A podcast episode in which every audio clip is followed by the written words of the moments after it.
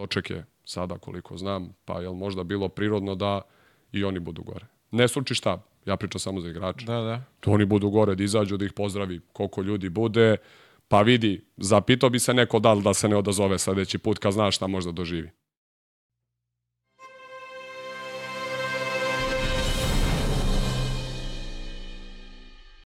Pozdrav svima i dobrodošli u Ja Mile podcast. Kao što znate, svetsko prvenstvo je završeno, specijali su završeni, vraćamo se programu Sreda Sreda sa novim gostima i novim pričama.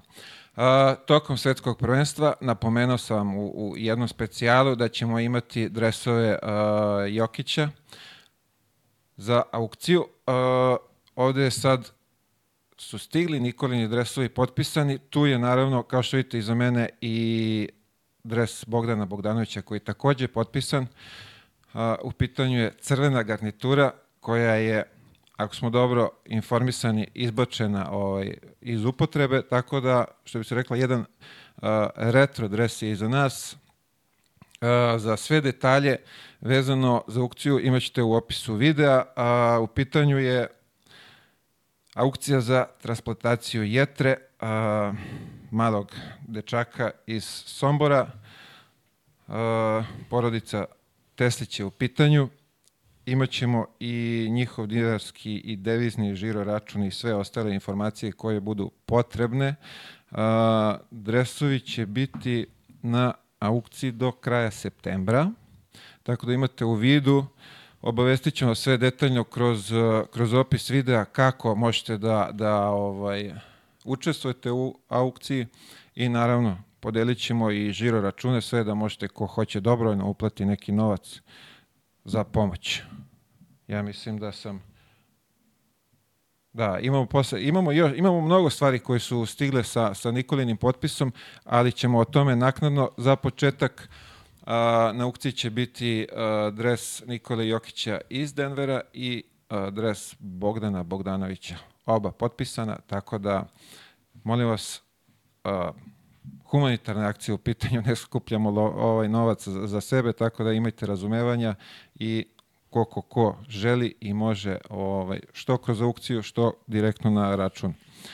S, kao što sam rekao, sve će vam biti u opisu videa, tako da bit ćete ovaj, obavešteni.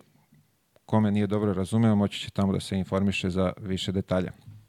Pre nego što počnemo, uh, zahvalnost Matijašić Vinogradima i Admiral Betu, što su uz nas, da ovo sve funkcioniše savršeno kao što je do sad bilo. Hvala im mnogo od srca. A ovako ćemo danas, možemo najavimo mog današnjeg gosta, jedini zlatni selektor leta gospodnjeg 2023. Nažalost jedini. Nažalost jedini, da. Neda Stefanović je sa nama. Šone, dobro došao u ovaj moj skromni šov. Hvala puno na pozivu. Pitao sam se kada ćeš me zvati, tako da... Jel tako bilo? A, nisam imao te informacije. Šali se, šali se. Da mi je neko ovaj, šapnuo, možda bi Da, to da, ovaj, da, da. Ali viš idealna prilika. Jeste, jeste, sve kako treba. Pored svih kolega tvojih selektora, jedini si zlatni ovo leto. Dobro, jedini smo, tako da ne volim tako da Ok, pričam bravo, tu u svaka čast. jednini, ovaj, sigurno, opet kažem, žao nam je što je tako, ovaj, opet s druge strane, realno, mislim da je ove druge reprezentacije naše mlađe, nije možda bilo ni realno ovaj, da, da negde odu dalje od toga što je bilo. Mi smo negde imali možda tu ovaj i prednost što je bilo na domaćem terenu i tako dalje, iako smo imali isto veliki broj otkaza jako bitnih igrača, faktički cela petorka skoro je ovaj a, falila. Međutim, eto, uz jedan dobar rad i stručnog štaba i momaka, uspeli smo eto da zaokružimo to leto. Tako da, to je to. Drago mi je što je tako. Idi, uh, evo javno ovako da ti čestitamo srca na uspehu, tebi i tvom stručnom štabu, momcima koji se odazvali pozivu, više ovaj sad podatak, imao sam ovamo negde ovaj pitanje za posle, ali ti si već rekao da su mnogi odbili poziv. Uh, ne znam kako to znaš da formulišem. Mislim da je danas neko vreme onako kad je nažalost sve dozvoljeno, ali opet mislim da postoji vreme i način kada treba neke stvari uraditi. Tako da uh, imali smo neke otkaze koji nisu bili planirani i meni je sasvim u redu ako neko mesec i po dana ili dva pre početka priprema se sam javi i kaže, eto, moj plan za leto je malo drugačiji od onog što bi trebalo da bude, ok, mislim, ne možeš nikoga da nateraš, ali ako saznaš neke stvari sedam dana pre priprema slučajno ili ako ti neko otkaže na dan priprema, to je onda malo baš degutantno, tako da eto, to je ono što, što smeta. Imali smo uh, jednu povredu, to je Gačić Lazar, koji je faktički bio jedan od nosećih igrača na prethodna dva prvenstva. Uh, imali smo momka Asima Đulovića koji igra u KK Beogradu, KLS, mislim, jako dobru sezonu imao, koji je došao sa nekom polu, polu povredicom, ovaj, tako da ni on, nažalost, nije mogao posle prve faze priprema se vratio kući. I da kažem, još neka dva momka su bila isto polu povređena, tako da ovih naših negde 12, skoro da kažem, da se tako i otvorilo, da je bila neka prirodna selekcija, nismo nekih mnogo dilema u konačnom odabiru, ali eto, opet, e, mislim da neki što su odkazali, kad su videli šta smo uradili, nadam se da su nešto naučili naučili i da su zaž, zaželi. Pa, mislim, ako nisu, onda imaju ozbiljan problem. Tako da. E, a sad, kad već spominješ, bio je Krle Nenad ovdje, bio je i, i, i a, šta je mozak, a, generalni... E, Bolić. Bolić, Aha, Zlatko jeste, da. I pričali smo o tome, i jedan i drugi su rekli da i dalje nemaju uh, mehanizam kako da nateraju te momke da se odazivaju pozivu. Mi sad ti kažeš da su neki čak i na dan okupljanja ti se javili da neće doći. Da. Koji su to, ne znam, da li, i, da li hoćeš i želiš da kažeš koji su to razlozi koji oni navedu u tom momentu da se ne odazovu reprezentaciji? E, razlozi uglavnom budu neki rad na sebi. Ovaj, da kažem nekim nedostacima. Ja opet kažem, ono, trudim se da razumem, u tako mladom uzrastu ne mogu baš da razumem. Samim tim kad ti kažem da je neko otkazao na dan priprema, znači razlozi su budalaština čisto, uopšte neću i da je komentarišem.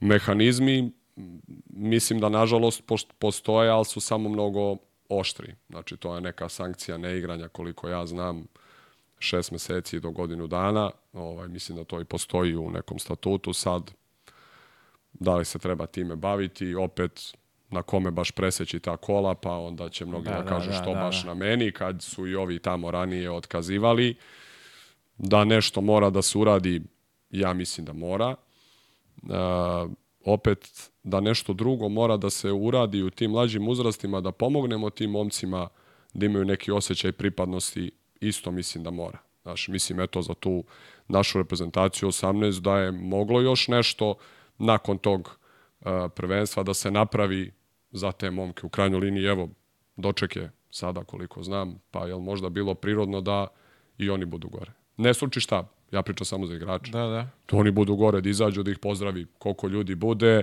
pa vidi, zapitao bi se neko da li da se ne odazove sledeći put kad zna šta možda doživi.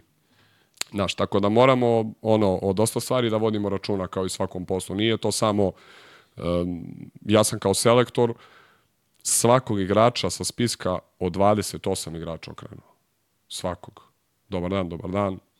Kako si, kakva je bila sezona, kako je bilo reprezentaciji i bio sam na treninzima znači svih ekipa.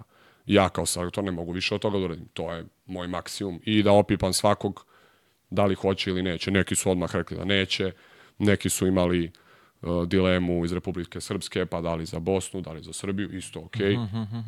Ali ovaj moramo i mi da se potrudimo da se one dozovu svi i moramo definitivno napravimo neki mehanizam se kaže ej, ne možeš da otkažeš tek tako, mislim. To je to. Da, uh, pazi ovo sad. Odlična stvar ovo što si spomenuo.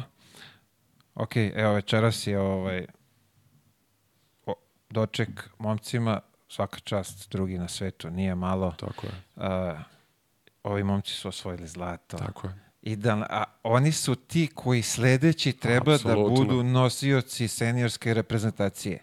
Da im se ne ukaže ta čast. Mislim, to je propust Saveza. Pa ne a, znam, ljudi koji ne znam ko savez. organizuje. Ja ne znam ko organizuje, neću ni, nikoga da okrivljujem, kažem sad, e, ali to je toliko minimum jedan da se ti setiš da povedeš o tome računa. Mi smo imali utakmicu s Portorikom u Beogradu, za nisu mog, nismo mogli, ili opet kažem, oni, ne mi, ni- nismo mi bitni. Trenera za reprezentaciju će uvijek biti.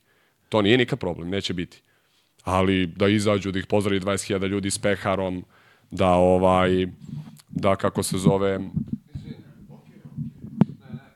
ovaj, da 20.000 ljudi ih pozdravi sa peharom, da opet i kažem, da dođu ovde, znači, um, opet, ako si gledao uh, svetsko prvenstvo, mi nismo videli tamo naše reprezentativce, lupam, koji su igrali za reprezentaciju, da su došli tamo, videli smo i Špance, i Nemce, Tako i je. Francuze, naše Čak nismo. i, i Letonci su bili, pozivni Bili su, bio tamo, bravo. tako je. Mi nismo u Nišu videli da možda je došlo, eto, da se reprezentacija seniorsko organizovala i došla recimo na finale. Ej bre, pa zamisli za tu decu šta bi to to bilo.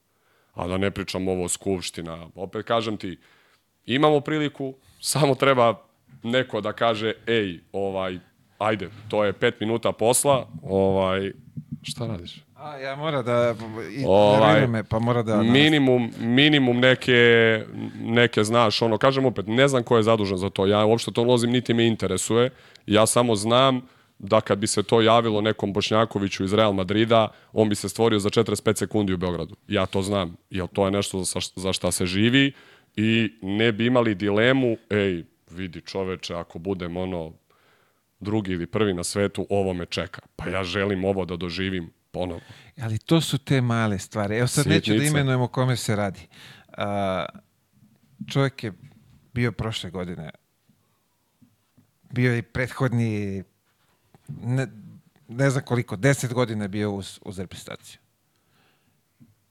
Nikoga okrenuo nije celu godinu. E, ni da kaže ono, ni kako si, ni šta je, kako Da, ide. da. Jesi si raspoložen, znaš, ima nova akcija, ja ti treba pomoć, bilo šta, šta god. To su neki detalji, ali to je bilo i, i, i, i što bi se reklo u moje vreme dok se ja Jest. Niko mene nije, ono, ok, nebitan sam ja bio tip u tamo, Dobro, znači, ali, totalno, naravno. ali i, imam i, i iskustva i kroz razgovor sa ovim koji su konstantno bili tamo, niko te bre ne zove tokom sezone E, da te pita ni za zdravlje, ni da li ti treba neka pomoć i šta god, ali to su ti mali detalji koji bre nedostaju za- u, u to i onda posle se ljutimo zašto ovaj nije se odazvao, za, E. ali ima tu nekih tih sitnica koje se Mogu. koje Apsolutno mogu, da, da, promene. da, da promene Tako mnogo je. toga. To je jedan telefonski poziv. Tako je. Mesečno. Neki jednom, ne mora ni mesečno, neki na, na šest meseci. Pazi, ja ti, ja ti garantujem da sam ja negde u startu dobio plus kod 90% tih pomaka što sam ih samo okrenuo. Da. A meni je to, šta, šetam uveče 10 km i ono, okrenim ih desetoricu za to vreme, 3-4 minuta malo popričamo, kažem ja ako nešto treba tu sam, e, gledao sam ti utakmicu, znaš, ovde si pogrešio, obrati pažnju na to i tako dalje i znači. Znaš, tako da to stvarno nije teško ukoliko želimo da idemo napred, a ne stalno da pričamo kao neko od nas prepisuje. Ma ništa ne prepisuje niko od nas, nego ljudi drugi rade, bave se svojim poslom. Mi moramo razumemo svaki posao koji je tako ozbiljan se radi 24 časa. To ne postoji isto kao i klub. Imaš problem, ja, ja tako funkcionišem u mom klubu, rešavamo ga odmah i imam sreću, mislim što je Filip tu koji isto tako razmišlja, znači nema kao aj sad ćemo kao za par dana, ne, odmah sad rešavamo sve što imamo. I tako mora i ovde, prosto ono, malo eto da, da se neko time bavi, opet kažem, ne znam ko, niti čije je to zaduženje, niti me interesuje i namerno ja sam mogao da okrenem nekoga jutro si da kažem, ej, kao, znaš, a što, sad ispadam ja, ovaj, Ne, ne, nije- mislim, nije to tvoj Nije, posao. tako je. Nije to Tako tvoj posao. Al- Ti si ali svoj evo, posao odradio sad ono, naš, i kako treba. Kad si me već pitao, ajde reko, naš, da ti kažem šta mislim, stvarno, znaš, to je, eto, samo neko malo da povede računa, pa onda ako damo tim momcima sve, e, onda imamo puno Onda pravo da da kažemo, jeste, e, pa čekaj, sine, evo, pruženo ti je, bio si, Bravo. ali dobro. Sad kad si spomenuo, opet me povukao sad i, i ovaj što se rekao ti mene. Uh, Porto Riko. Je bio sam na utakmici. Ok, dobili smo sve te lepe karte pored terena, sve super. Hala polu prazna. Pa to.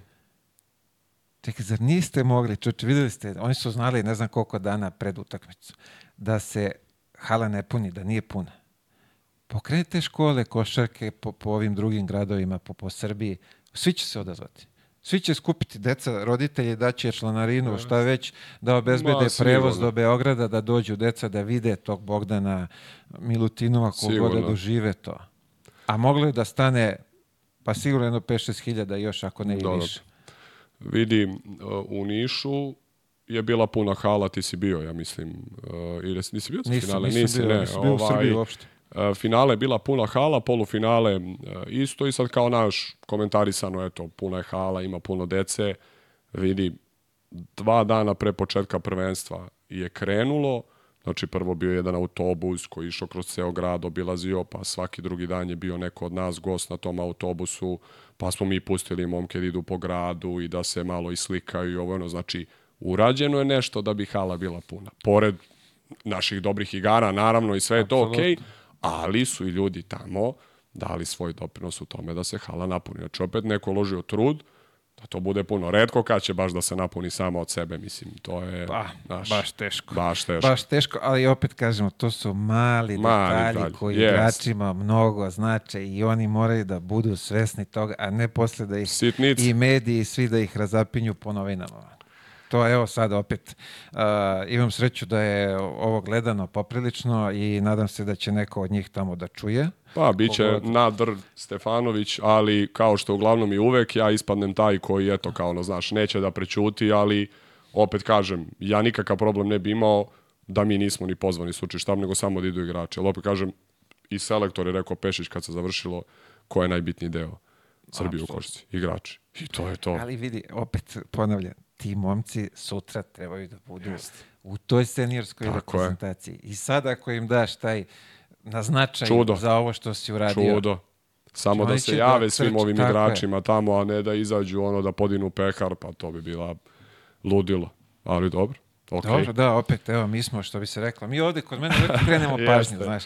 Sad na Jeste. njima, da li čuju ili ne, znam Jeste. da im uvek kritike smetaju, to pouzdano znam, ali ovaj, Kažem ti, ja ću završiti na kraju ovaj kao, ali dobro, nema veze. naše je da Navikao pričamo, ali oni ako misle da je svaka kritika ovaj, a, da nije dobronamerna, to je onda do njih, to je njihov problem. Ali, za, kažem, opet ponavljam, sitnice, male, neke te ovaj, učine da, da ti posle imaš kredit kod tog igrača i, i da će doći, i, iako je povređen i sve ostalo.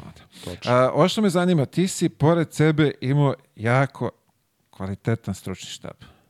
Kako si odlučio, pre svega, ajde, pričamo o Jovici, on je tu i stariji, i iskusniji, a, kako baš za njega? On je neko ko je e, moj mentor, da kažem, već neki duži niz godina, a prevashodno nakon prelaska u FNP, gde opet e, sam ja sa nekog ovaj neočekivano nižeg nivoa iskoračio na dosta veći, tako da dosta a, vremena provodimo zajedno. To je jedna ono komunikacija na dnevnom nivou, znači sad već ono i prijateljska i porodična, ne toliko ovaj poslovna, tako da mislim da ne postoji dan kad se ne čujemo ono po barem dva, tri puta da vidimo kako je kome bilo ovaj taj dan u, u rudniku, tako da um, odluke su bile vrlo proste. Uh, prva odluka je bila u stvari da uh, Vasilj Đurić, moj pomoćnik iz FNP-a, da on bude prvi pomoćnik iz prostog razloga što je jasna bila ideja da neko ko radi sa mnom tri godine će i tim igračima i meni pomoći da neke stvari brže savladamo. Mnogo je važno, znaš, kad imaš nekog ko radi s tobom, pa ti tamo sad radiš, ne znam, 5 na 0, ovi drugi čekaju, pa im on kaže, vidi, Neša traži to i to, vodi računa tu. To mnogo znači. Ljudima to kao delo je beznačajno, ali ti kupiš tu mnogo vremena.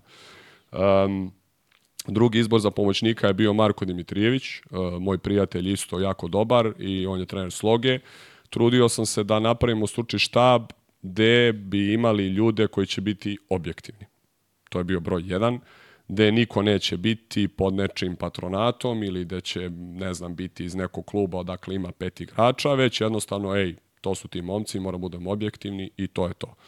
Um, izbor za Jocu je bio vrlo lak, mislim s tim što smo mu namenili funkciju tim menadžera, jer nije više moglo ovaj pomoćnika, što je njemu prijalo. Um, kažem, čovek koji ima jako puno iskustva, uh, koji vrlo dobro uh, se snalazi u svim situacijama i koji je meni tokom prvenstva bio velika podrška i pre samog prvenstva i onako, kad god bih ja možda bio ne mogu da kažem zabrinut, ja sam vrlo redko zabrinut, znači, ali možda malo nervozan, ono, ne znam, tamo u vršcu privodimo kraju, pa sad igramo drugi put s Nemcima, onako ima neki grešaka puno, on priđe, kaže, Neško, dobro je, sve okej, okay, ovo je, uklapa se kako treba, zajedno radimo tri nedelje, nemoj da brineš, bit će u redu, ovo je super za sada, sve smo dobro uradili, znaš, iskontroliši danas to i to, idemo sutra kući, vodi računa, podigni malo naš oprez da ne, ne uđu lagano noću i prosto dati neke savjete koje možda ti znaš, ali bi možda zaboravio. Da, da, da, on ti skrene pažnju na to, onda dođemo u Niš, ono kaže, ej, opušteni su,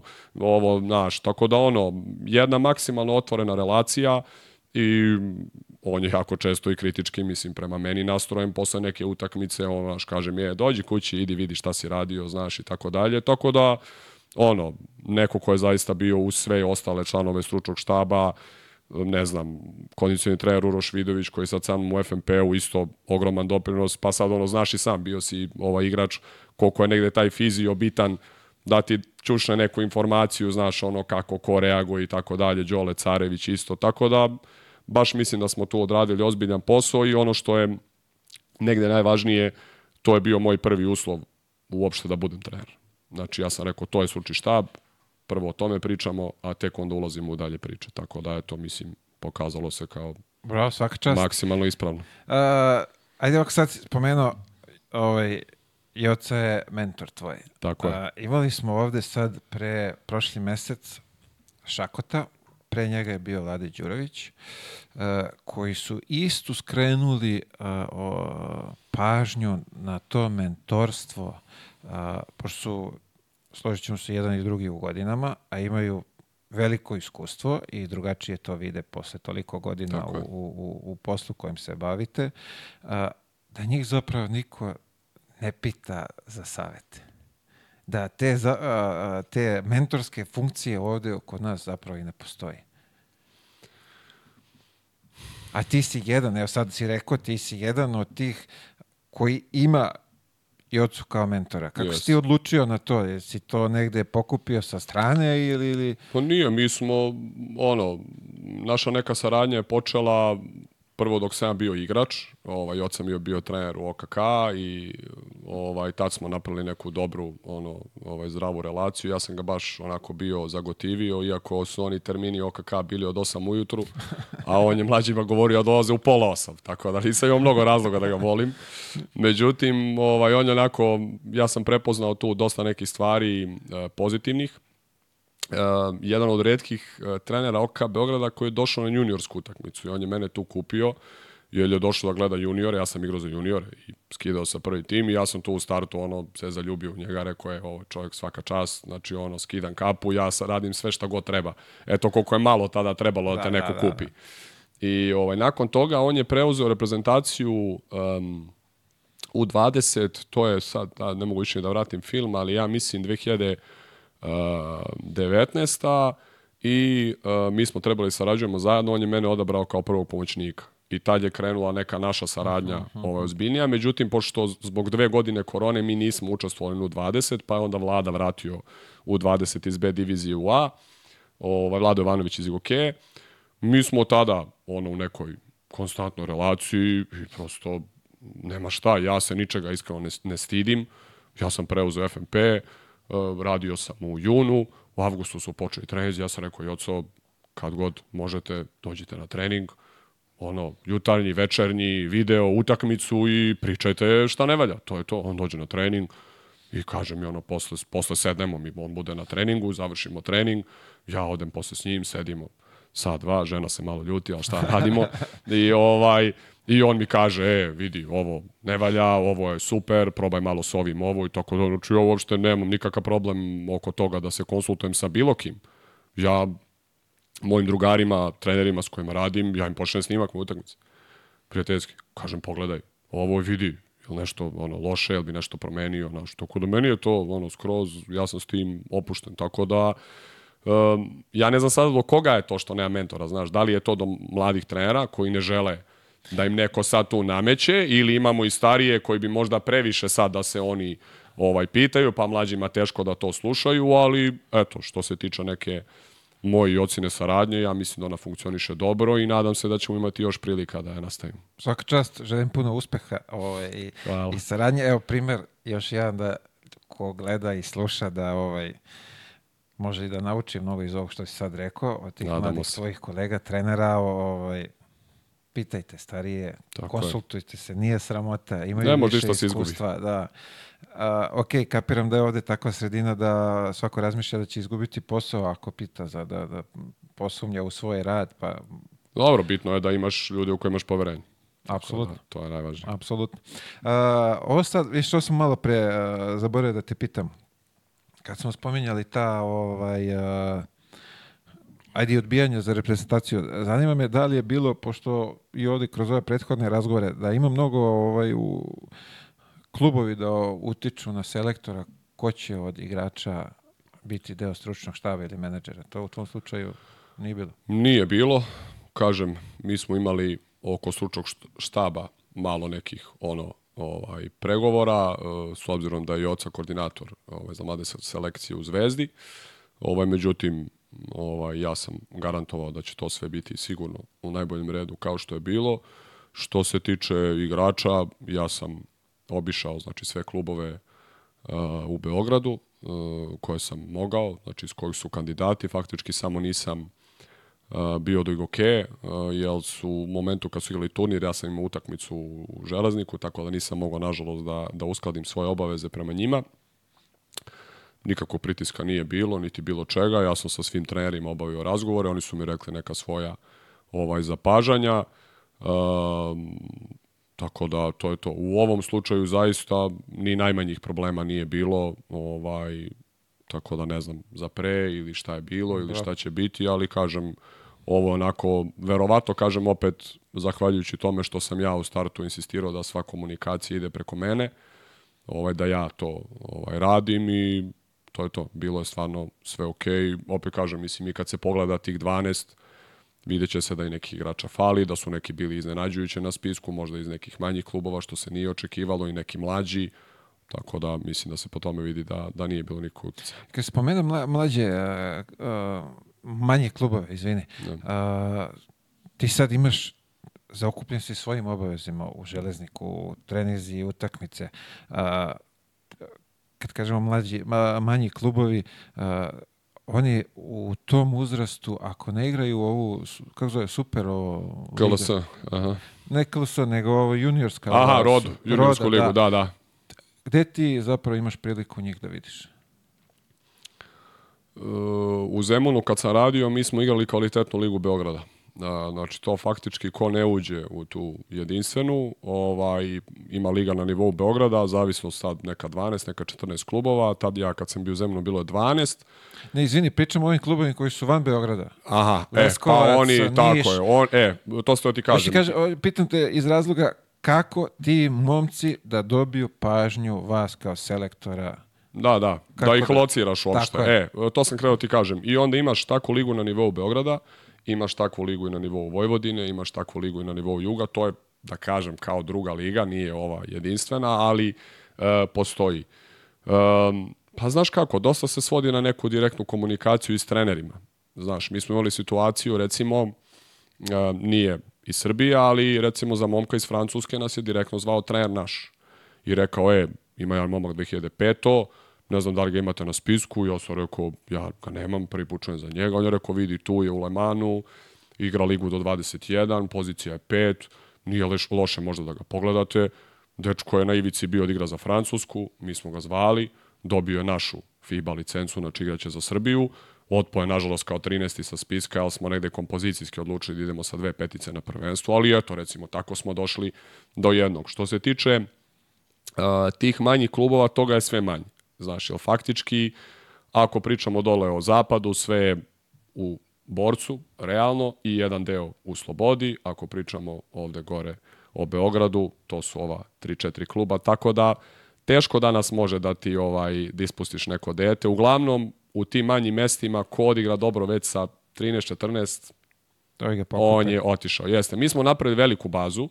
Ovaj, baza je bila nekih 150 igrača 2005. i 6. i onda sam ja to postepeno uh, čekirao. Ima recimo nekih 13-14 momaka koji su u Italiji. To ni ja nisam znao. Pa ide uvidi ovaj bio prošle. E, zato je važno ovaj praviti izveštaj nakon što završiš, iako možda nikad više nećeš biti selektor, znači ja pravim izveštaj iz dva meseca. Evo, nadam se ove nedelje ću ga završim, koji će da bude ono, mislim, ozbiljan izveštaj da će obuhvatiti sve igrače koji su bili, koji su pozvani. Mi smo imali predselektivne treninge, recimo pre zvaničnih priprema u Vizuri tri dana, da smo pozvali momka jednog iz Španije, našeg, niko nikad nije čuo za njega, jednog momka iz Austrije, niko nije čuo za njega, znači neki 15-16 momaka je bilo, od kojih 5-6 njih je prvi put bilo ovaj na okupljanju. Tako da ono, to je to. Informacije, skupljanje, pozivi, Jasno. telefoniranje, praćenje, ali sve te lige, čisto da znaš, sve to ima na YouTube. Sve ima da se gleda. Tako da Liga Beograda, Prva Srpska, ko hoće, može da gleda. Tako da sve to ima si- da se... da, Da, da, sve to ima na YouTube. Tako je, tako je. Sve ima na YouTube-u, bez ikakve B Liga ima na YouTube-u. Znači, sve to ima. Tako da ko želi, ja kad sam rekao ovima iz Borca što su bili na pozornici u Železniču da sam gledao utakmicu B Lige, oni su u šoku bili. Znaš, stvarno, pa rekao, da, šuto si 3 trojke, sam si bio. Pa jeste, stvarno, pa kada znam, gledao sam. Pratim tako da, pratim. tako da, eto. Spomenuš sad ove momke što su gore, a šta si rekao, Austrija, Mhm, Francuska. A, to je ona priča kad rano odu, je li tako? Ono, pre Da. 30-14 godina. Pa, da bi da. stekli tamo već... Ima jedan slučaj da su otišli baš rano, pa se momak rodio tamo, a ima slučaj da su otišli odavde kad je on imao... Pričam za ove što odu sa 13-14 da, Da, da, bi da, da. stekli uslove, da bi mogli da se vode kao domaći igrači bar u Italiji, što ja tako je. znam da tako funkcioniše. Jeste. Uh, kakav je to kvalitet? S obzirom da je Tripa sa 13-14 godina otišao iz Srbije tamo. Bolje se radi kod nas.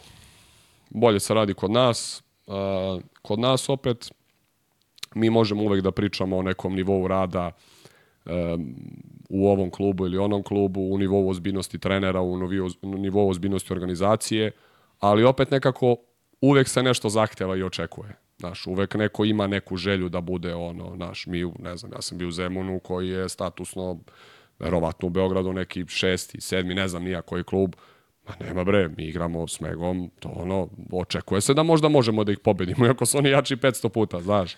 Tako da, tamo je nega glavno što ipak nije košarka u prvom planu. Tako da oni uglavnom dođu sa nekim nivom talenta, međutim ako se predugo tamo zadrže, recimo taj momak iz Austrije, on ima nekih 205, izuzetno je talentovan i snalaži, međutim oni tamo treniraju ljudi tri puta nedeljno, mislim, on igra neku drugu ligu sa nekim penzionerima, znaš, već je na ivici da je možda zakasnio. Mislim, Da. Znaš, znači ako sad ne ode negde malo ozbiljnije da se radi, Zbog toga ti pitam, imali smo ovdje mnogo razgovora na tu temu. Uh, deca, baš deca, to je pričamo o 13-14 godina da. kada i roditelji puste da idu tamo. Prvo što je to uh, šok za njih, otići u totalno nepoznato, niti, imaš, ni znaš jezik, ni znaš kulturu, niti kako se pasta jede na glup banan, na Jest. primjer, do toga da kad izađeš na teren, ti si bre u stranoj zemlji, ti si Jest. stranac, bre, ne bete niko 2%, iako Tako je, je. to je sve tvoja generacija, snađi se sam.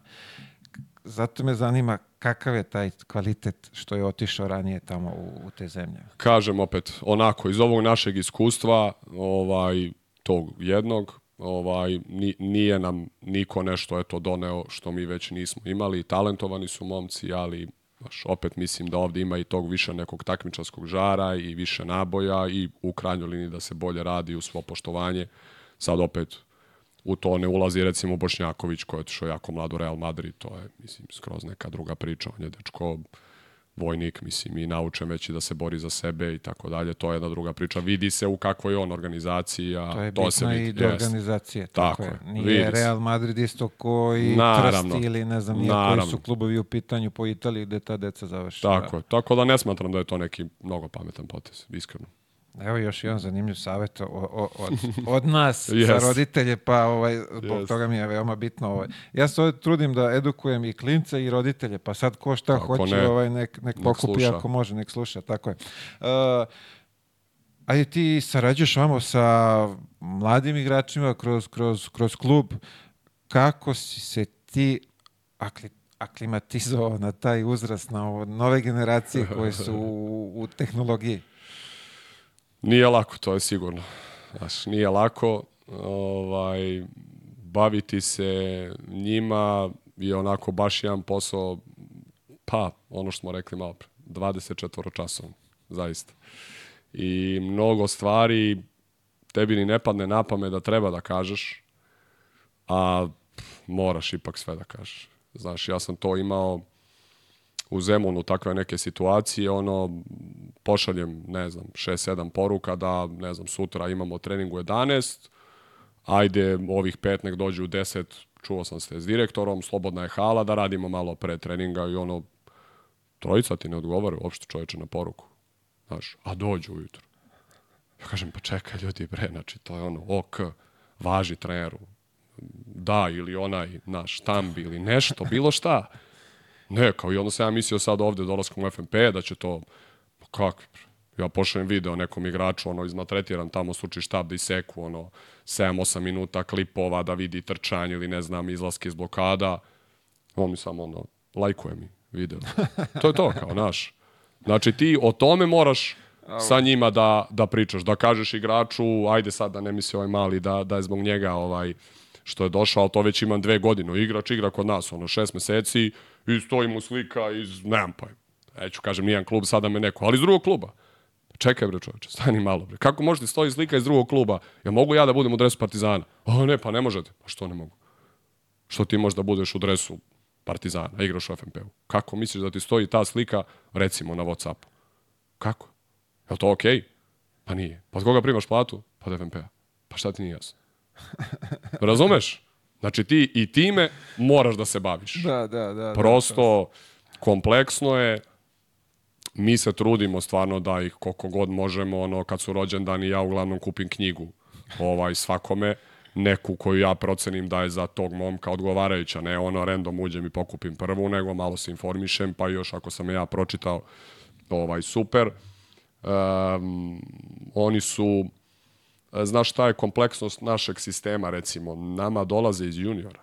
To je specifično. Znači, mi nemamo taj, ono i kao kad si ti igrao, pa su bili neki workersi, pa je bio neki borac i tako dalje. Nama sada dođu iz juniora zvezde, gde ne dominiraju, znači gde ne uzimaju oni titule, nego uzimaju neki drugi, mega na prvom mestu, oni dođu kod nas. Znači, preskočili su sedam koraka. Mi sad već to nazivamo 3N sindrom. Nesvesni, nezreli, nespremni. Znaš, i oni dođu, sad su to neka očekivanja, ne znam kakva, vidi, pitanje trening, da li možeš uopšte na baligaškom nivou da pratiš. Tako da je naš zadatak onako poprilično kompleksan. Jer ih mi formiramo i ljudski, i trenažno, a treba iz juniora da nisu dominirali, da ih uklopimo na baligaški nivo, da opet oni ako ne dobiju priliku mesec, dva, tu odmah kreće malo i nervoza, ili njihova, ili roditelja, ili menadžera u najgorem slučaju. I onda mi se trudimo da budemo iskreni prema njima. Ja mislim da im dosta dajemo. Naš jedan Šaranović je najbolji primer svima, iskreno, tim mladima. Znači, on je, evo, treća godina u FNP-u, na jednoj izvrsnoj ulozi, imao prvenstvo u 20 fenomenalno, da, taj trener tamo Čanak mu je našu ulogu fantastičnu i izvoj kod njega maksimum, ali on ne bi mogao da igra na tom nivou da dve godine za redom u FNP-u nije dobio po 20 minuta iz juniora. Ovaj, tako da, mm, nije lako, ali opet ono što ja ovo kažem, treba se baviti sa njima. To je neka suština priče. Ja sam u dogovoru sa stafom na reprezentaciji, mi smo im recimo uzeli telefone za popodnevni odmor. Znaš, ja sam bio siguran da neće odmarati uvek, naročito ako je finale ili četvrt finale, pa malo nervozo, ne. U tri dođe fizio, telefoni svi u kesu, vidi, oni su svaki dan komirani bili. On ih je u pet budio, ono da ono bukvalno ih naš. Ono. Ajde, ustaj. ustaj. I sad neko će reći to je ovako, onako. Mi smo za 45 dana imali jednu temperaturu. Znači, svi su bili zdravi, zadržali smo im dobar ritam života, odmor, sprečili smo to čačkanje koliko je moguće, nije lako, ali eto, ovaj, opet mislim da negde mora da se vrati ono vreme uprkos tim novim tehnologijama, da je ipak trener najbitnija figura u odrastanju igrača, a ne milion neki drugi stvari, nego je da je trener taj koji ti sigurno želi dobro, jer ja uvek njima kažem, moj interes je da ti igraš dobro, on, on je uvek onako naš poluzbeno, pa kažem, ako ti igraš dobro, mi pobeđujemo, ja sam bolji trener time. Mislim, da, da, da. jednostavno je. Znaš, nema neke velike nauke. Tako da, kompleksno, zahtevno, ali eto, mora, svi moraš da se baviš sa njima, eto, kažem i tom komunikacijom, banalno sam ti, banalno sam ti primer dao, ovaj čime moraš da se baviš da treba da ti odgovori na poruku ono znaš ili ono sinujete pa ti ne odgovori pa ja ne mogu to mislim ne mogu da verujem da neko može to da uradi ali nažalost Da, da, ali vidi, stvarno ti mora da se spustiš na taj nivo i sad, Da, da, da. li, on, da li to samo video, pa nije razumeo, ili možda je otvorio, nije video, pa tebi konstantno upitnik iznad glave, šta je, kako on razmišlja, da li je video, nije video. mi da li- nemamo ni tu kulturu znaš mi ostalo je malo nekih od nekih starih vremena da je trener taj neki ono ekstremno veliki autoritet kome ti ne možeš da priđeš i sad verovatno možda i neka moja ja to gledam pravdajući njih pojava na terenu oni možda ne kapiraju da ja van terena da to nema veze s ovim što sam ja na terenu da sam ja isto ono normalan čovjek da imam. Oni kad vide mene na primjer u pantalonama i košulju ko vidi znaš kao coach se doterao kao ima i on život kao privatan znaš. Oni nemaju prosto tu svest da da mi treba da komuniciramo najnormalnije i da je okej ako ja pošaljem neki motivacioni video na grupu, da je okej da oni ono lajkuju ili da pošalju mislim ono srce kao znaš da im se to svidelo.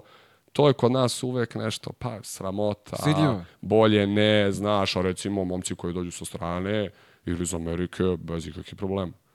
Oni imaju tu kulturu, znaš, ono, ja im pošaljem, oni odmah, naš, super, sviđa mi se, ono, treneru, naš, i tako dalje, nešto najnormalnije. Tako da, eto, mi nemamo malo tu Ovde, e, razumem ih, ne branim Pa ih, jeste, ali ih jeste, razumem. zato ti jer kažem. ako odgovore, a šta god da napiše, ovi će ih dohvatiti, urnisaće ih u posle. Vidi ne u grupi, ovaj, ne, šlihta da, se, znam. itd., znaš. Vidi, sve znam. Jeste, tako razumem da, ih, eto, zato ih eto, razumem, ali ih ne branim. Tako, Tako je, ali ovaj, mogu da... Ima smisla. Ima, smisla, da. jeste, posle jeste. će bude razlačenje, Jest. neće ga oprati ni, ni. Dunav, ni Sava kad ga uhvate u, u mašinu.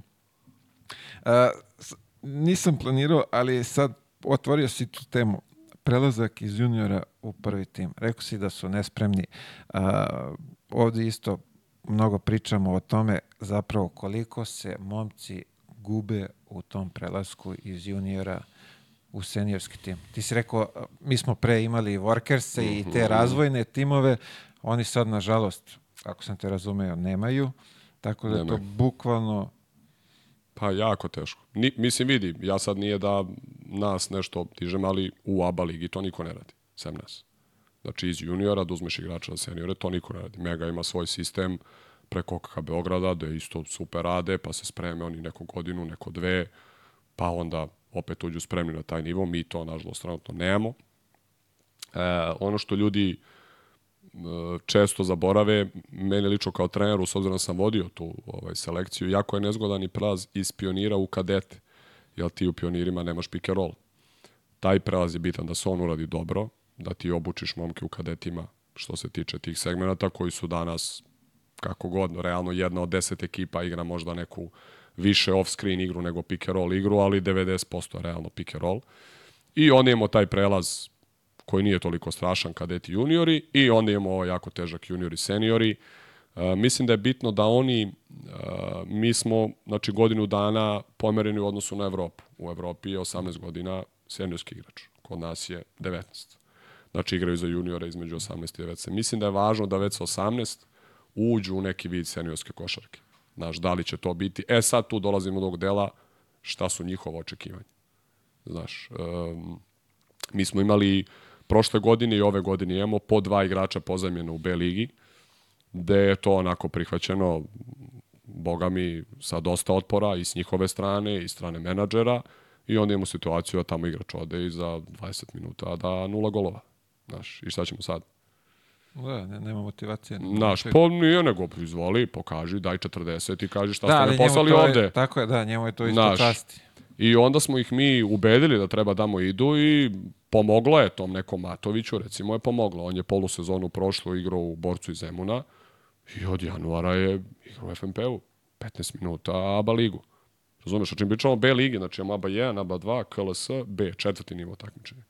I opet je tamo on osetio malo neki teren u Pirotu, nešto malo ovde i od januara je, kažem ti, počeo da igra kod nas i u petorci, i neke utakmice dao ozbiljan doprinos i tako dalje.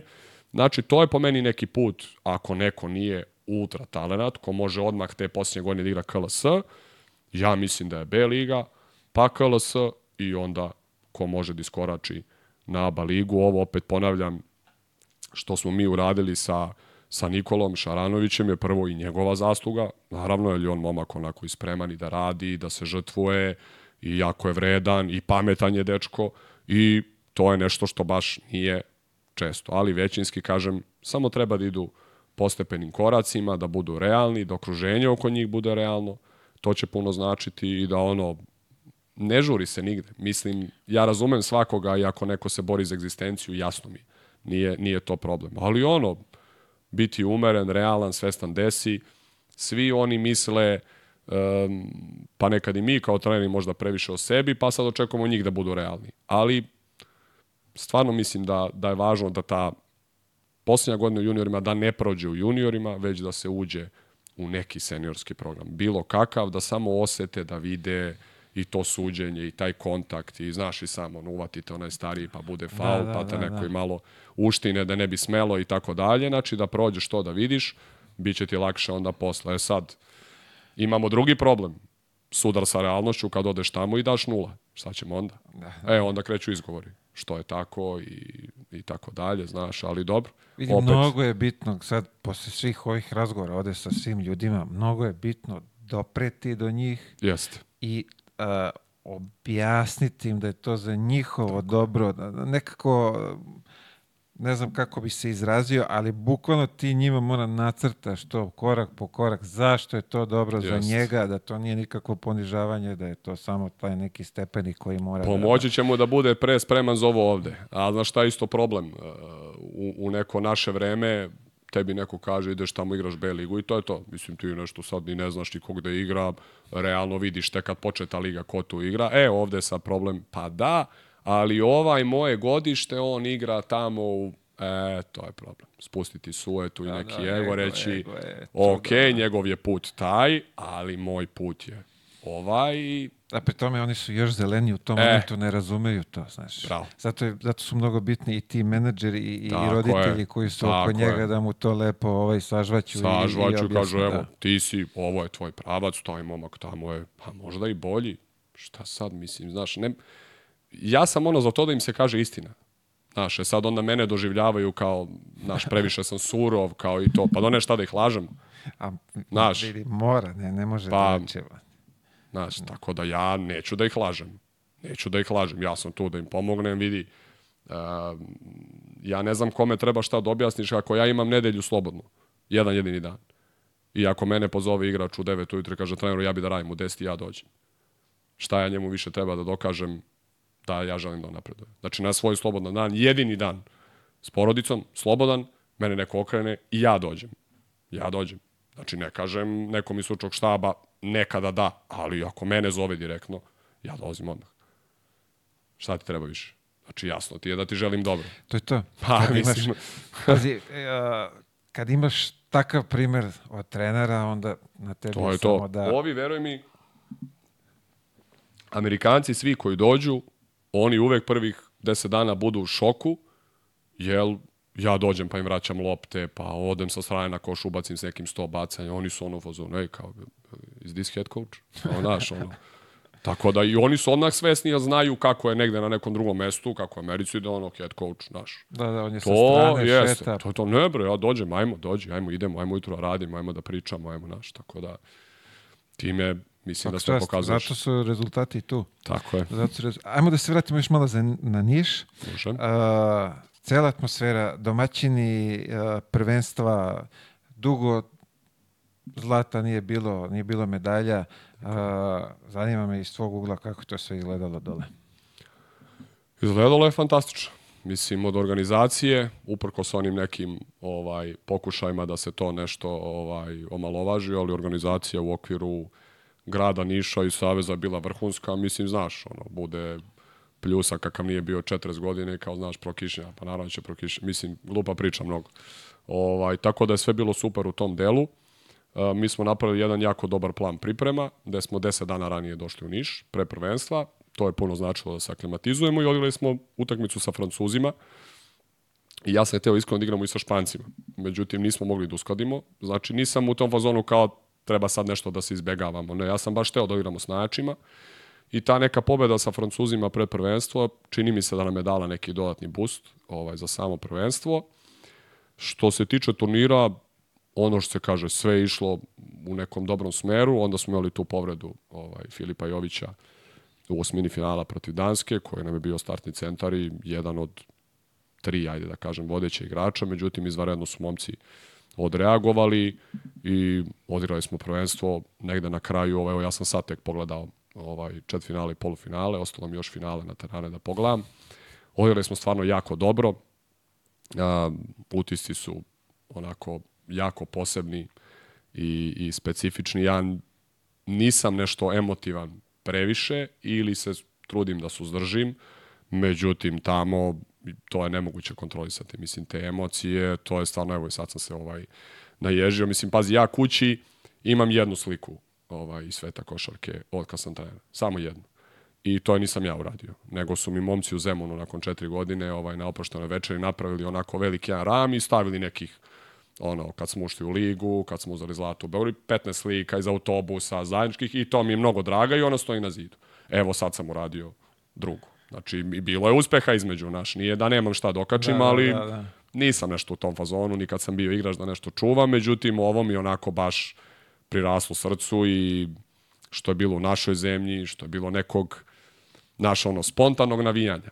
Znaš, onda uzme cela hala, mislim, ispada malo nepoštovanja, ali da peva Nemcima u Fiderzen, znaš, ono, u polufinalu, mislim, ono, baš je bilo lepo, na Špancima, isto navijanje, pa marš na drinu pre početka utakmice, onda to naše pevanje himne koje svima onako ovaj, upalo u oči da je bilo onako dosta emotivno i, i što se kaže i, i srca.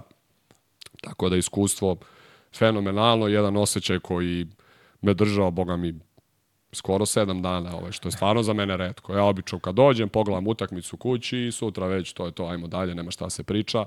Međutim, baš je bilo ovaj teško izaći iz tog moda neke euforije i dobro medijski ispraćeno i ono što nekako meni mnogo drago, puno ljudi koji nisu iz sveta košarke je ispratilo. Nije bilo ni ništa tada, znaš, prenosilo se, malo je krenuo neki hype i znaš, onda ovaj baš onako mnogo lep osjećaj, mnogo dobar turnir za nas, uh, iako ljudi ono kažu nije kao bitno, znaš, u mlađim kategorijama, meni je to budalaština. Mislim, kako možda ne bude bitno da pobedimo Španci, samo mi to objasni. Ja ne mogu to razumem. Znaš, naravno da je bitno. I naravno ćemo i sad opet pobediti sledeći put kad budemo igrali, smo videli da možemo. A do tada je bilo da li možemo, znaš, ipak tamo, pazi, izašla lista 10 draft projekcija, četiri su Španca. Wow. Znaš, četiri su Španca i jedan naš.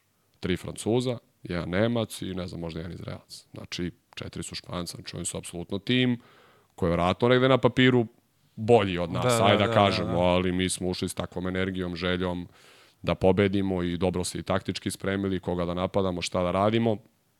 Tako da, neponovljivo iskustvo, ali eto, nadam se da ću opet nekad možda imati priliku, ali ono, baš će ostati meni lično urezano, jer opet kažem, Niš, Zlato, neki problemi koji su nas okruživali i pre priprema i ta povreda Filipova nas je zbližila. Ovaj, tako da, super.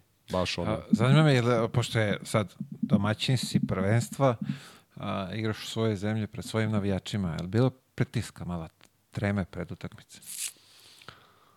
Pred prvu da, pred prvu da, posle toga ne i onda polufinale onako jeste.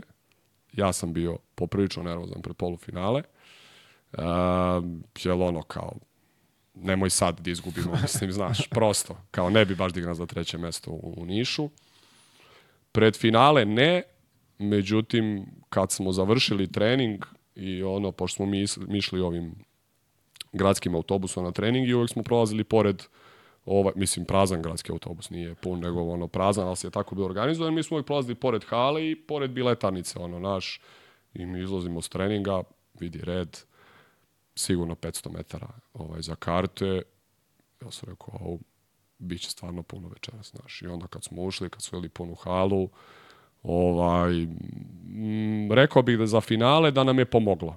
Znaš, da nam je pomoglo, a možda za polufinale da nas je malo sve steglo, uključujući i mene, jer je tad prvi put bila ono puna skroz hala, do tad je uvijek bilo ok, ali opet, ono, ljudi dole i u hotelu i u hali, sigurno nam je bilo lakše, a tako da eto, taj pritisak, ono, sigurno da je postojao, ali mi smo ga pretvorili u, u neku podršku i, i zato sam ih hteo da dođemo 10 dana ranije.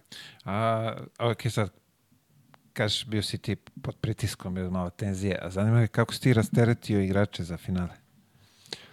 Za finale? Hm. Gledali smo dokumentarac jedan u toku bili ovaj prvenstva sa nekom jasnom aluzijom s kim ja mislim da ćemo igrati ovaj finale. To je bio ovaj Redeem Team. Ovaj, gledao se verovatno, tako da eto, tu smo malo teli ovaj, da ih za špance pripremu i objasnimo kako je to Čika Kobi nekada radio.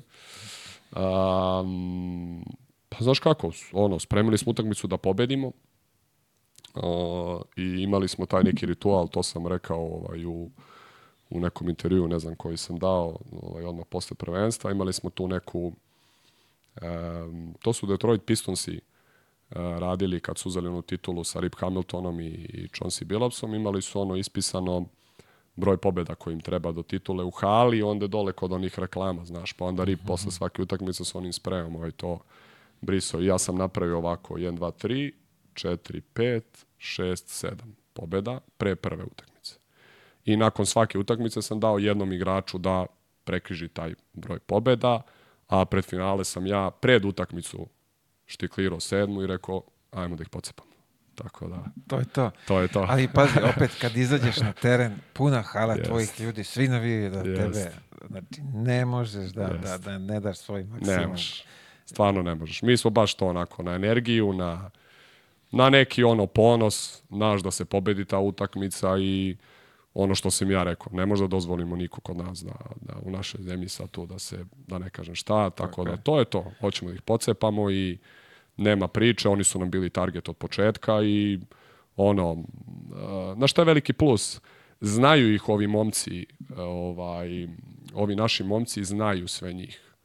Znaš, igrali su u Euroligi i protiv njih i sad to je dobro, naš. Oni nemaju taj neki respekt. Ono, bio je to taj Mara, ovaj koji je ono 2.20 i koji je to kao neki ovaj projekat ozbiljan i šta ti ja znam, mi kažemo, e, ovde, tu, prođi, tope, idi preko njega, top kažemo, naravno ću preko njega, ne možemo stignu u životu, bre, i to je to, znaš, nema, nije bilo dileme nikakve da li se nešto može ili ne može. Ili ono, Bošnjaković ih zna tamo iz Reala i on je ušao tu, ono, znaš, da pokaže da je Dobro, ima dodatni motiv. Tako je, tako je, znaš, tako da super, bili su baš hrabri, mislim da smo ih mi rasteretili u tom delu ovaj za to finale i, ovaj opet kažem to nekom više pričom i ulivanjem samopouzdanja da prosto možemo to da uradimo. To je to. Tako da nisam nikakav pritisak jako njih video, eto, sem u tom polufinalu gde smo bili ono, dobar deo meča stegnuti. Uh, to pa si spomenuo sad. Oko njega se tu napravila ovaj onako dobar hype, što bi se reklo. Jeste. Ja mislim da treba i da treba još veći da bude kako god, jer nekako ga doživljavamo kao projekat iza koga treba svi da stanemo, da podržimo momka u tome. A, ti si ga trenirao ovo leto, kako to izgleda iz tvog ugla? Ne moram nešto mnogo da pričam, sem što mogu da ti kažem da mi žao što nije u FNP-u. Time ću ono, dovoljno reći, s obzirom da je bila ono, situacija za to i da je to trebalo se desiti, tako da time sam ti rekao sve. Mislim, ono, za redko kog igrača, kažem, volim sve svoje igrače koji su kod mene, ali eto, za njega mi je baš žao što, što ne sarađujemo i u klubu. Ovaj, ja možda mislim što se tiče njega da je možda malo bolje da se spusti taj hype, ovaj, ali mislim da njega to malo opterećuje uh -huh. i da naročito kad je bila reprezentacija da se nekako sve svelo da se on stavi u neki naslov što sam ja ovaj, primetio njemu smeta, a opet može u ekipi možda da izazove neku drugu reakciju, tako da ovaj mislim da treba malo da ga pustimo, da je on ipak dete, 2005. znači 18 godina je tek napunio i da ćemo mu olakšati time što nećemo možda toliko baš da pričamo o njemu. Naravno, on je svestan dečko svega toga. Mislim da je dečko ono, na mestu 100% iz sportske porodice, vrlo dobro usmeren, porodice koja, koliko sam ja upućen ga, ono, pravilno savetuje i kritikuje, što je danas redko. I ima sve preduslove da bude vrhunski igrač i znao na kojim stvarima treba da radi. Ja smo već o tome pričali, ja i verujem da će ove godine kod Marka u Megi sve to da, da ispravi, tako da ide u super smeru i verujem da će biti tako kako si ti rekao. E sad, po, pošto kažeš treba da ga zaštitimo da nije toliko, ovaj, odmah mi je pao na pamet uh, Ricky Rubio. Da, Znaš da je on Pa ovaj, eto. projekat Španije, sve, ali nikad uh, intervju za novine nije dao. Je takav bio dogovor da ga zaštite priče sa i novinarima. evo šta se desilo sad na kraju s momkom, znači Da. pauza Da, ali opet nakon toliko godina, da. Napravio vrhunsku karijeru, bio je zaštićen, Savez je stao iza njega, klubovi su stali Da. iza njega. To što su oni planirali, oni su s tim Jeste. to postigli, samo je pitanje to okruženje oko njega kako izgleda i koliko, koliko ga štite. Ima istine u tome. Ja sam negde napisao ovaj, na Twitteru posle neke utakmice, ja mislim ovih naših momaka u 16, generalno da bi ja komentare zabranio na vesti o reprezentaciji do seniora. Na primjer. aha, aha, okej, ja bi okej. zabranio komentare. Naš kroz, zna, siguran sam ti momci to čitaju, a ko sve piše, Da, pogotovo Bože u, u dragi. tom uzrastu. Da, Jeste, baš je budalaština. To treba da se ukine po meni, tako da je to apel svim medijima da na, na vesti o reprezentaciji do seniora nema niko komentarisanja, pa čak i na seniori bi ja možda ukinuo. Ali ajde, to verovatno nije moguće zbog broja klikova, ali ovde jeste. Um, treba zaštiti sve te igrače. Mislim, nije slučaj, na primjer, eto, Bošnjakovića su sad zvali za intervju nekoliko medija, Real ne dozvoljava pre 18. Bravo. Znači, ima razlog. Znači oni, da, vidiš, Ima da, oni razlog. verovatno u Španiji imaju neku proceduru Tako kako je. to funkcioniše. Ima razlog što je to tako, verovatno ima razlog i kome sme, mislim, ne mislim da neko misli loše, nego eto ono, kako šta i tako dalje. Ovaj, u krajnjoj liniji kod mene igrači ovi mlađi kad su davali intervjue, uvek je meni ovaj, na proveru poslato, ali ono, ne znaš, mlađe, ne da, da će nešto reći o meni, nego naš, lupića neku glupost Tako koju je, možda nije tako smeo je. da kaže, bolje da ga zaštitiš da se ne izleti, pa mu objasniš da to ne treba na taj način i Tako tako je. dalje.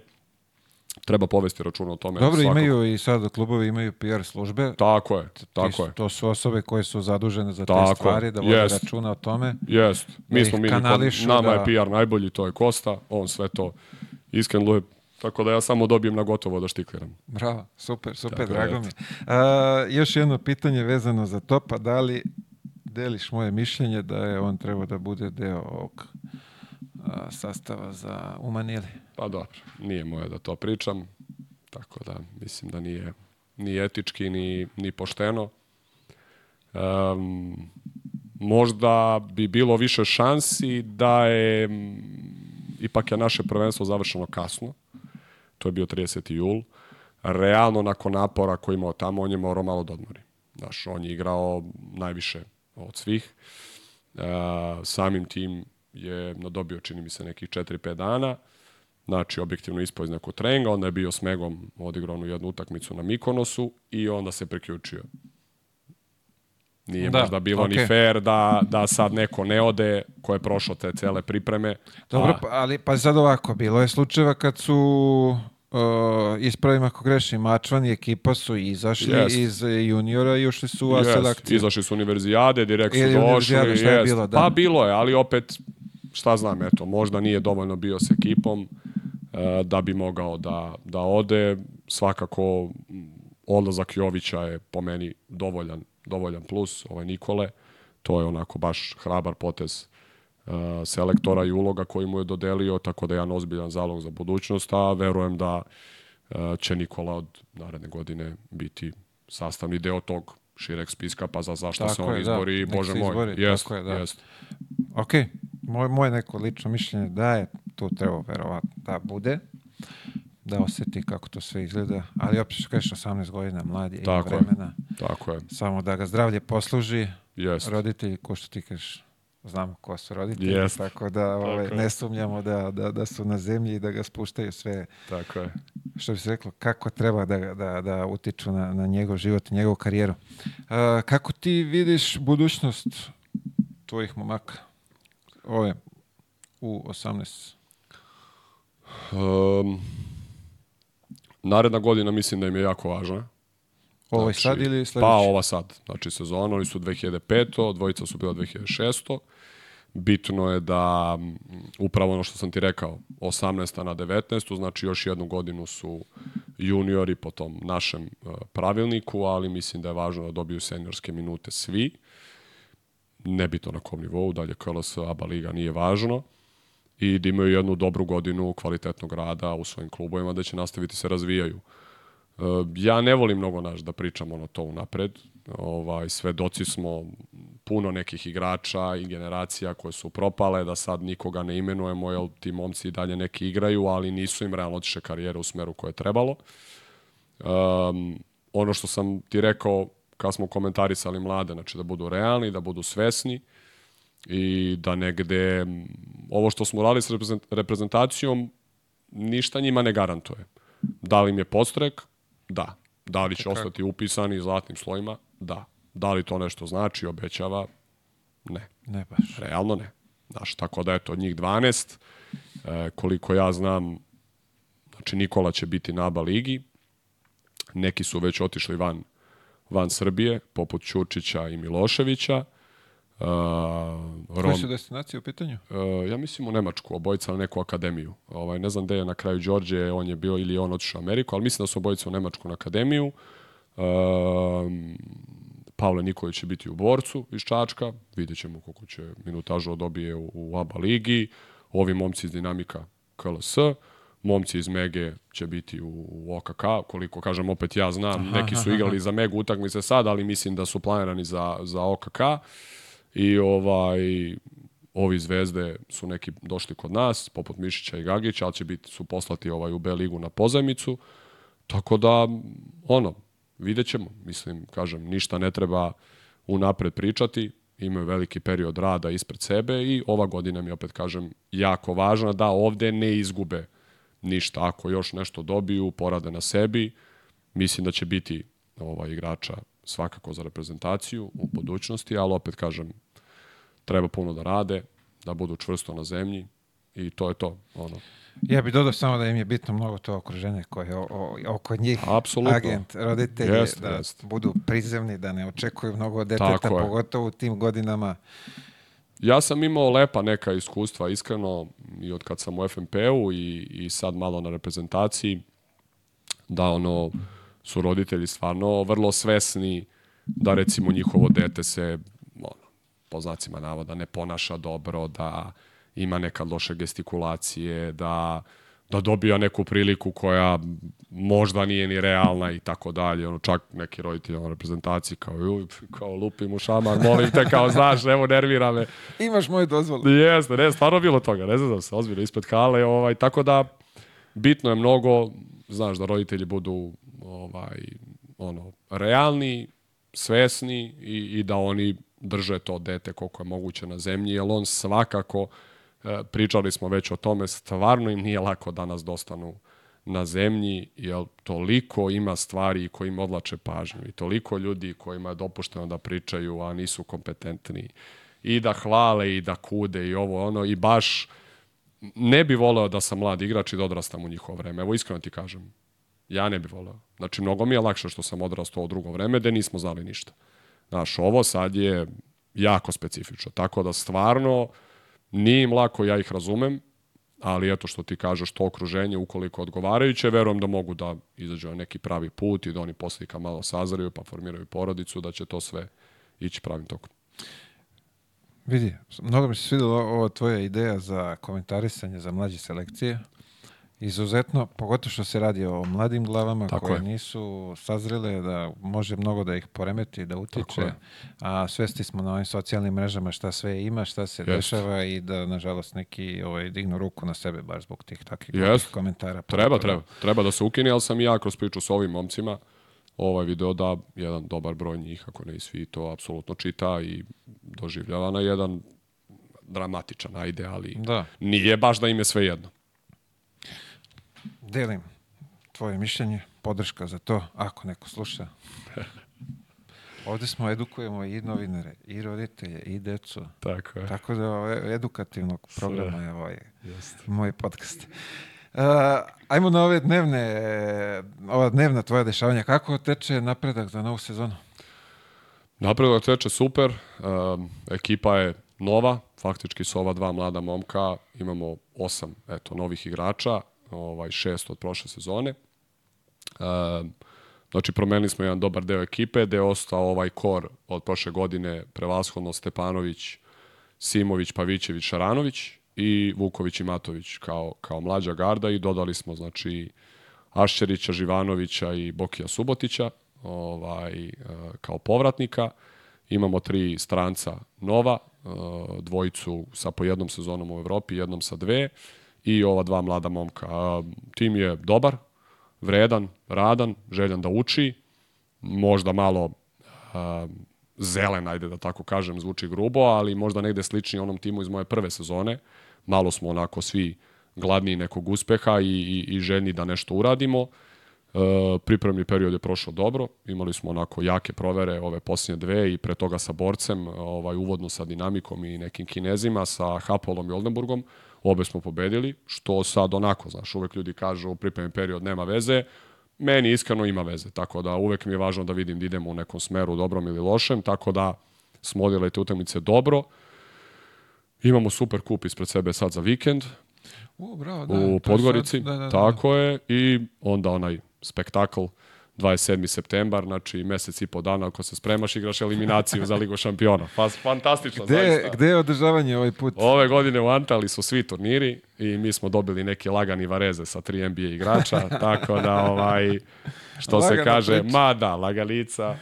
Tako da eto, ovaj dobro, dobro, ja sam jako zadovoljan, kažem a, osetiš uvek u halu kad uđeš znaš kakva ti je ekipa, da li ovaj da li hoće ili neće i sad on uvek kada završimo trening negde mi je važno znaš da vidim tu da li su ono odmah izašli ili ostanu barem 10 bacanja da vežu, znaš. Da, da, da, ovaj, da. Tako da stvarno su u tom delu jako dobri i, siguran sam da će biti sve okej.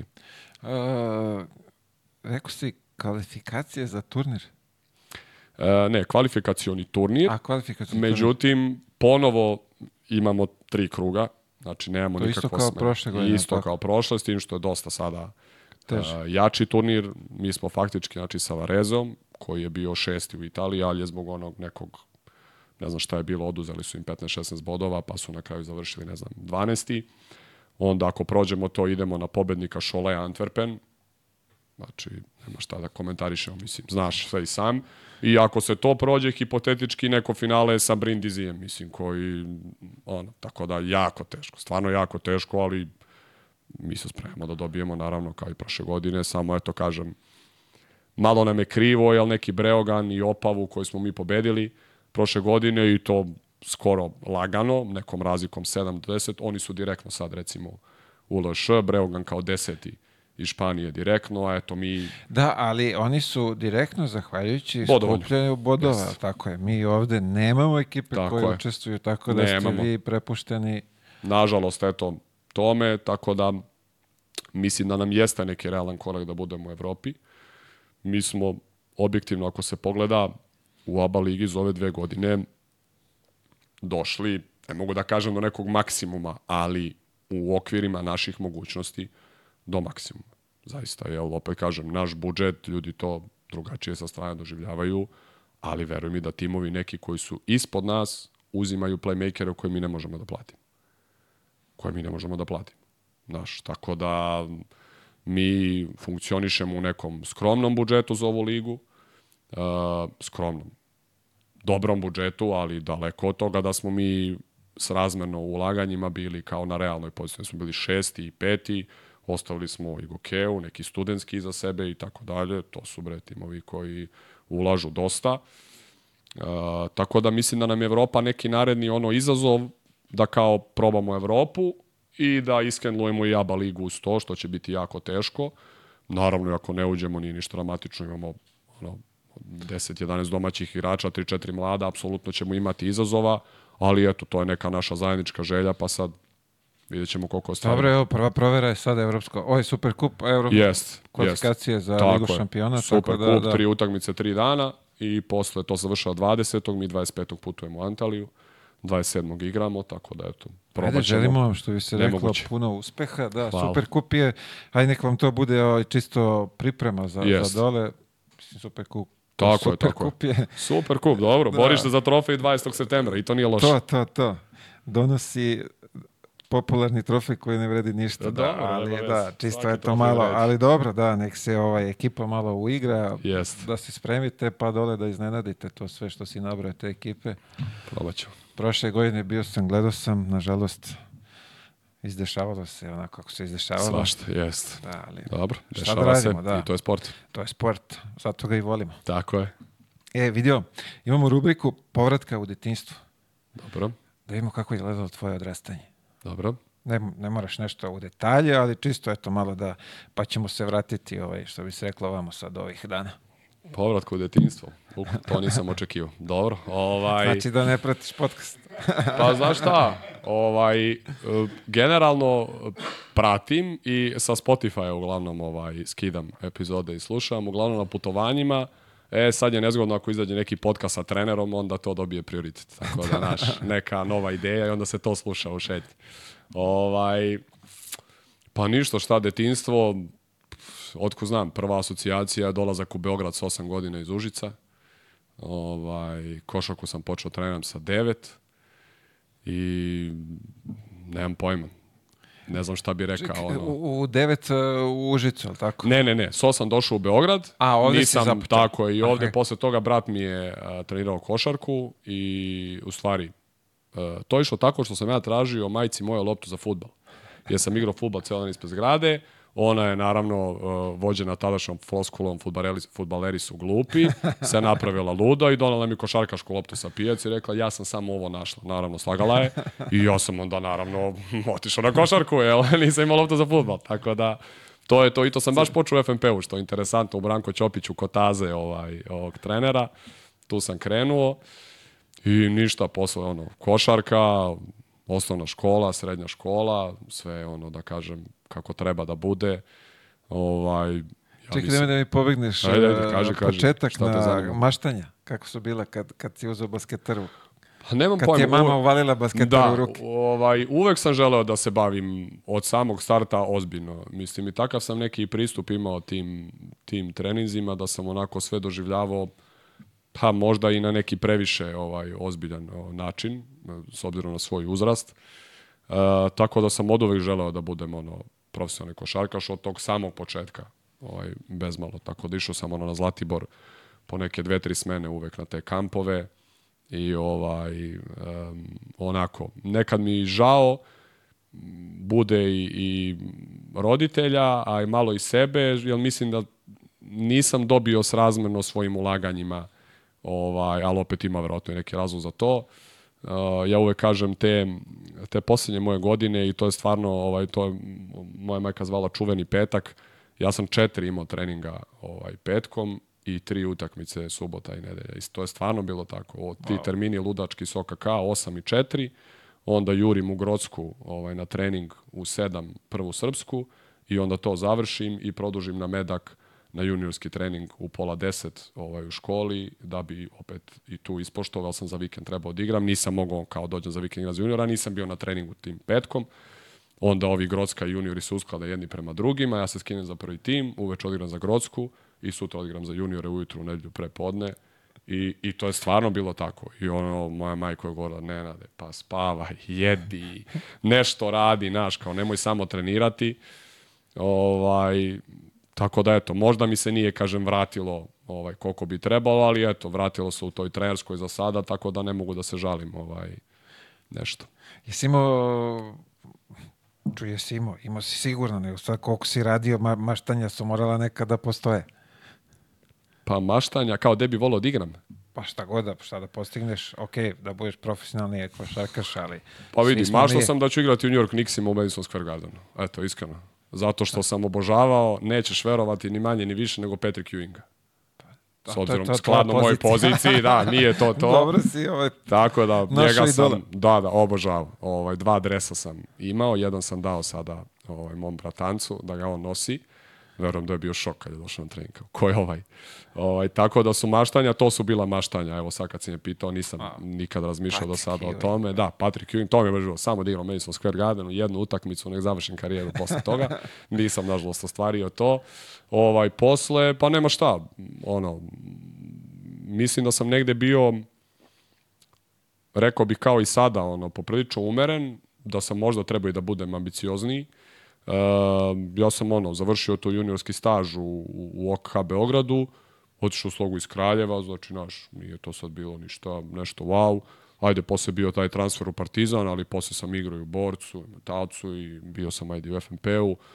Tako da ono, bila su realna maštanja, da kažem, NBA liga, eto zbog Ewinga najviše, ali taj nek, još mi je otac, uh, on je bio u Njujorku, uh, tako neke, ja mislim 90, bili smo još u Užicu, znači 90. 91. i onda on kad se vratio iz Njujorka, on je bio ono, oduševljen, donao nam je one Spitfire jakne, meni i bratu i meni je New York uvek ono bio nekako, znaš, samo tu da uđem, da, da osetim Čekaj, to. Čekaj, si bio posle tamo? Ne, Nisi? ne, ne, ne, Ja. ni jednom i onda uvek mi je ta, pa čak i ono, ovu seriju kad gledam nekad prijatelji, to je ono u Njurku i uvek kažem ženi, vidi kakav grad, on kaže šta ti se ovde sviđa, visoke zgrade, ali ja nekako, ostalo mi to iz detinstva da, da bi volao da odem tamo.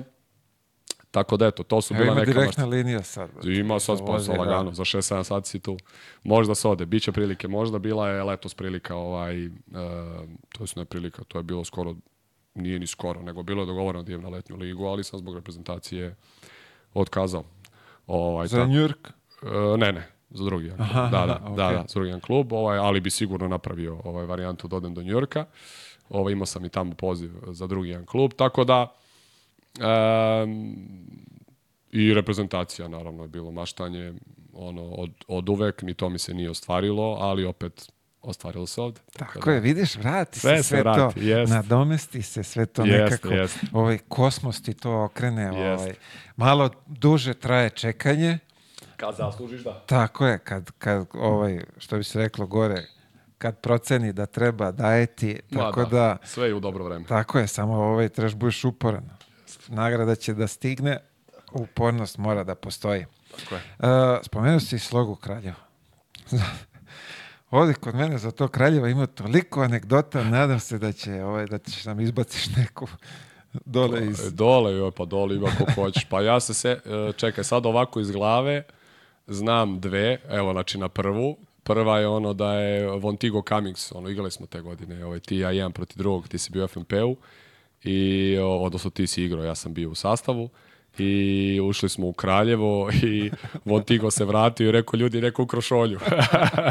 A ono dole, naš bio ovaj, Čučelac. Čučavac jeste, to je bio ovaj show i dobro, ona priča iz Kraljeva kad dođe ovaj igrač uh, sloge u, u Jordankama ovaj novim, a uvek je tamo bio neko u, na tribinama ko gleda treninge. Uvek su bila neka dva, tri tipa. Koji ja sad kad sam bio u Kraljevu mi se javljaju, ono, znaš da su tu i oni gledaju trening, ništa oni ne pričaju, ali pogledaju trening uredno i sad ovaj naš, ono, žuljaju ga kao ovaj Jordanke, znaš, pa nove su, pa žulje, ovi, jeste, Jordanu valjaju, tebi ne valjaju. Eto. Tako da, to je dobro. To me uvek asocira na kralje. Tako da. Preko. Pa da, Jordanu valjaju, tebi ne valjaju. E, to je, to je.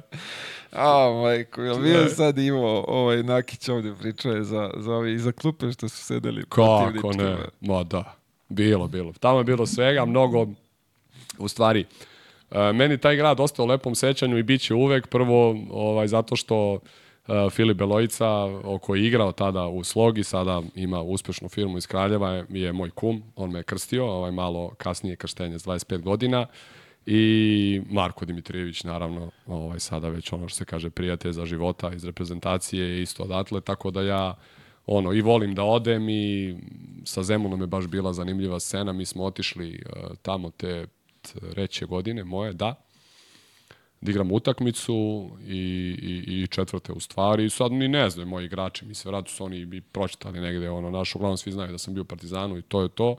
I ono, predstavljanje ide sloga, puna hala bila Zemun i kao poseban pozdrav trener Zemuna, naš bivši igrač i mu igrači, ono, ovako, ono, cela hala, znaš, aplauz. Tako da, ono, meni baš, onako, Kraljevo u, u srcu i mnogo mi bilo lepo tamo i dobra sezona dobra sezona, uspešna sezona, bila Liga od 14, ona stara, Srbija i Crna Gora. Mi smo bili treći sa timom ono, ubeljiva, mislim, najmanji budžet u Ligi 100%. Ko je bio? Gaja bio na jedinici. Okej. Uh, Gaja bio na jedinici. Bio Krle go- otišao tada, je tako? Otišao, otišao je. Krle je bio otišao. Na četiri je bio Brka, Marko Brkić.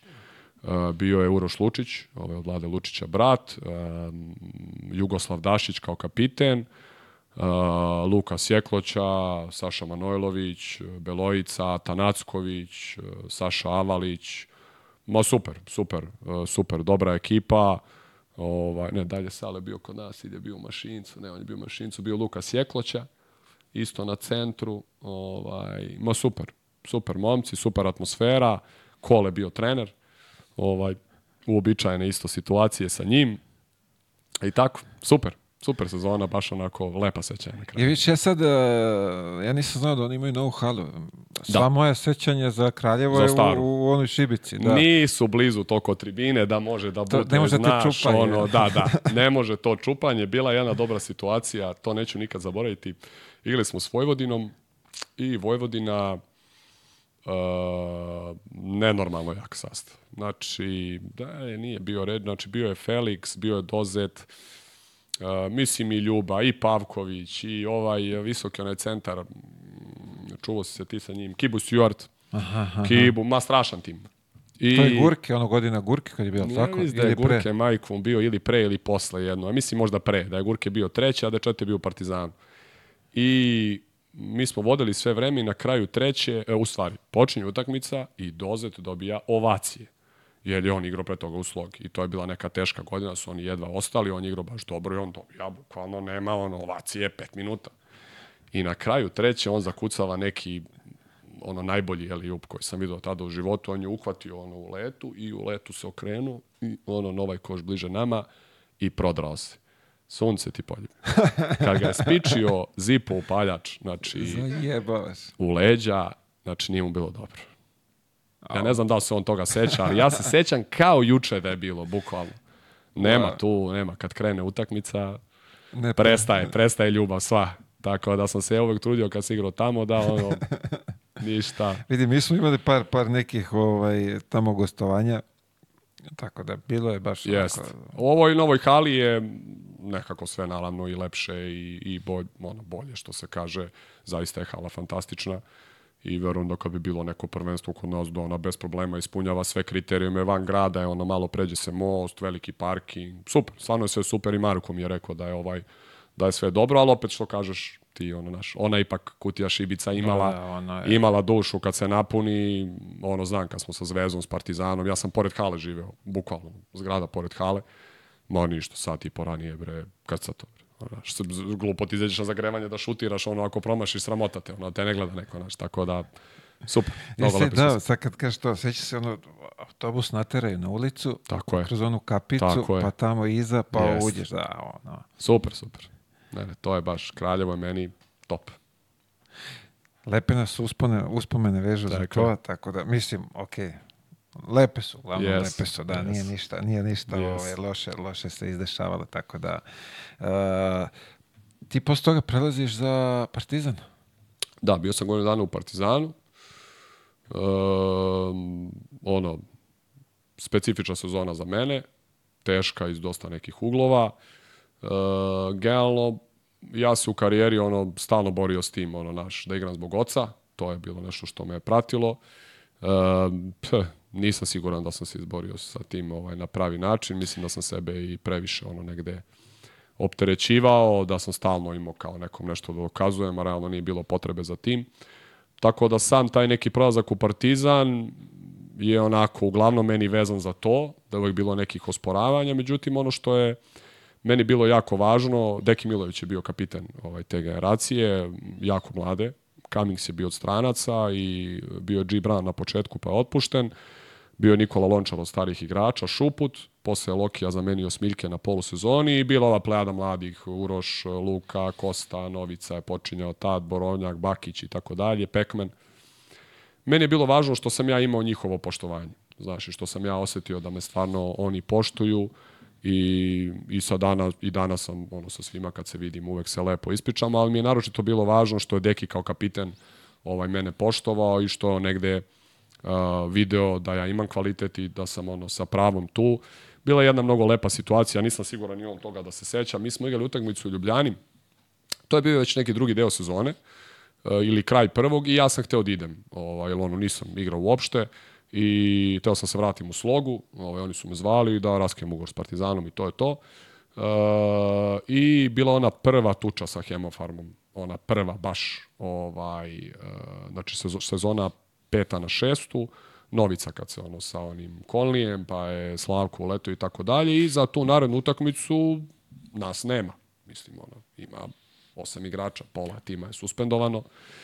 I ovaj, idemo u Ljubljanu, Zmago vodi, Halperi na pleju, ne znam sad ko je bio i sad on me pušta, ali naravno nije ni tom planirao da me pusti niti bilo šta, nego nije imao koga.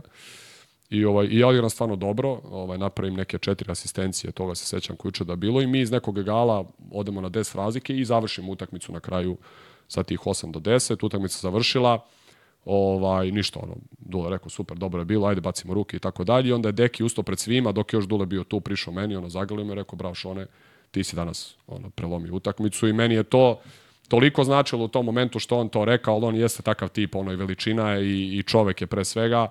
I ja sam išao kod njega da gledam treninge i među prvima mi je čestito sad kad se završilo prvenstvo i tako dalje.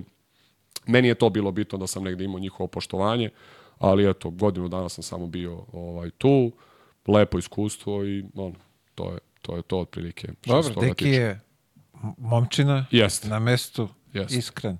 Jest. Nema kod njega foliranja. Tako mnogo, je. tako Zato da, ti da. kažem da mi je to bilo jako značajno, ali kažem, video sam nekako da on poštuje i da možda i osjeća negde sve to što ja prolazim i da sam možda negde i ajde, da ulazim u neke druge stvari, bit će replike odmah sutra ujutru, tako da ovaj, ovih što su željni pažnje, ovaj sada, tako da, ali to je to. Lepo, lepo vreme, lepo druženje, veliko iskustvo, puno sam naučio.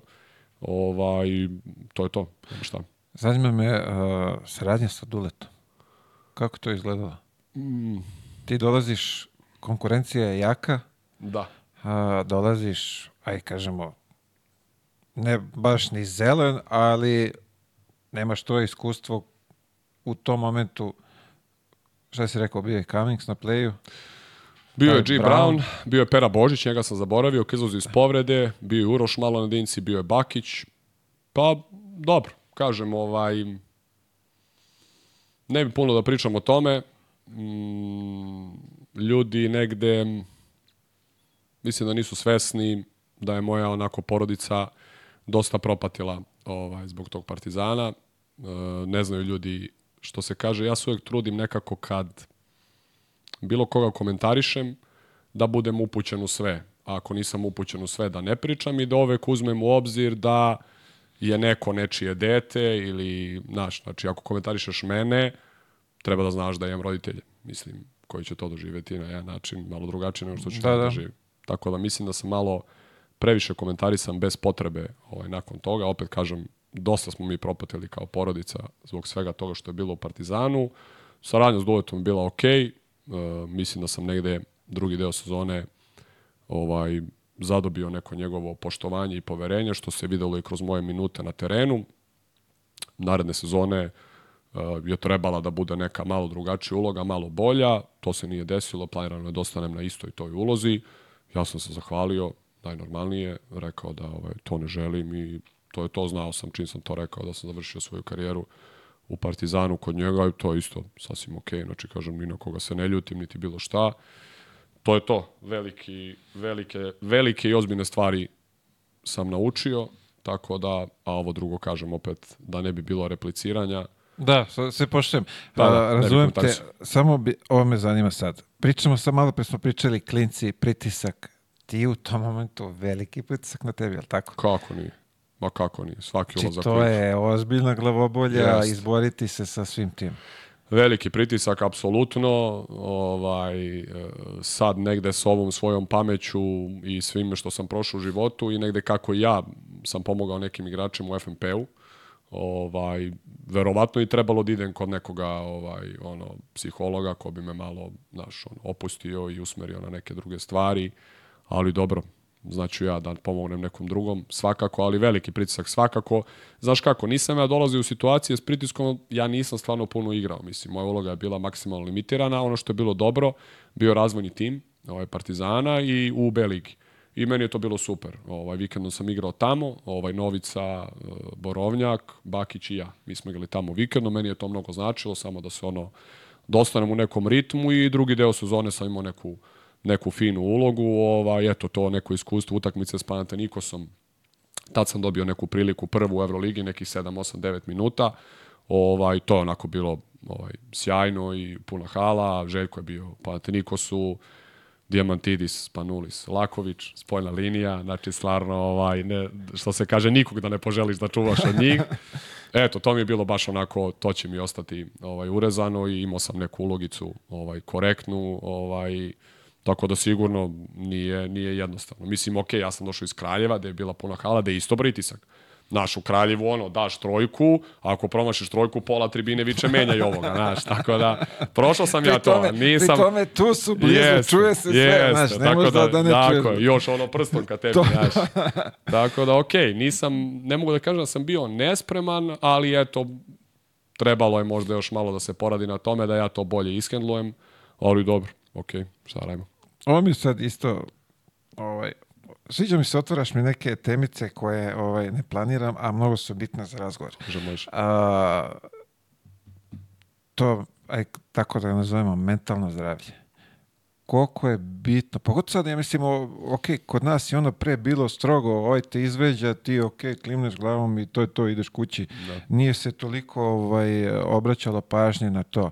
Ali sad ovi klinci ne znam kako reaguju i koliko je bitno. Ja ne znam, imate u, ekipi nekog tog ko razgovara? Nemamo. Kako bi to nije? Nemamo, nemamo da kažem, ono, ja se uglavnom bavim time, um, sigurno je jako bitno. Um, ja sam imao tu situaciju, neću da kažem ni koje sezone, ni sa kim, iako je momak stranac, da me on direktno zamolio da mu pomognem, uh, jer ima problema sa depresijom. On je tako okarakterisao. Uh, iz nekih razloga realnih. Ono, objasnim otprilike svoju priču ovaj, porodičnu, da mu niko nije došao od kada u Srbiji, 3-4 godine i tako dalje i sve. I uz pomoć nekih ljudi koje poznajem, organizovali smo sastanke sa, sa psihologom, on je obavio par nekih uh, sesija, kako oni to zovu, i pomoglo mu je, napravio neke nove rituale, neke nove rutine. Ona otprilike, ovaj, devojka dala neku dijagnozu, pošto sam ja bio u kontaktu s njom, šta i kako, koji su njegovi problemi. Ja sam malo pomogao da probamo to da rešimo i kako nešto da ishendlujemo. I to se rešilo na jedan korektan način. On sada normalno radi, trenira, igra, zarađuje novac, igra na vrhunskom nivou. Ovaj, tako da jeste jedan bitan segment. E, verovatno bi trebalo da se i donese neki možda, ovaj, ko što imamo, ono, mora da ima, ne znam, doktor i tako dalje, možda nije loše ni da bude Da. zvanično Da da, bi mora da ima bilo- psiholog, mora da se, da se radi o svakako tome ovaj, sa njima. E, upravo zbog ovog što smo već negde obuhvatili, da prvo upoznaš malo i porodicu i njega, pa da vidiš relaciju kakva je, kakva je između njega i porodice ili ko što sam ja imao u Zemunu gde sam ono se informisao da li neko možda ovaj nema nekog od roditelja što je bilo slučajeva e, da li neko je jedinac ili nije pa onda da znaš malo kakav je ono prema drugima prema sebi e, ili su možda roditelji razvedeni i toga je bilo pa malo da možda više posvetiš pažnje tom detetu da malo povedeš računa tako da sigurno bitna stvar danas jako.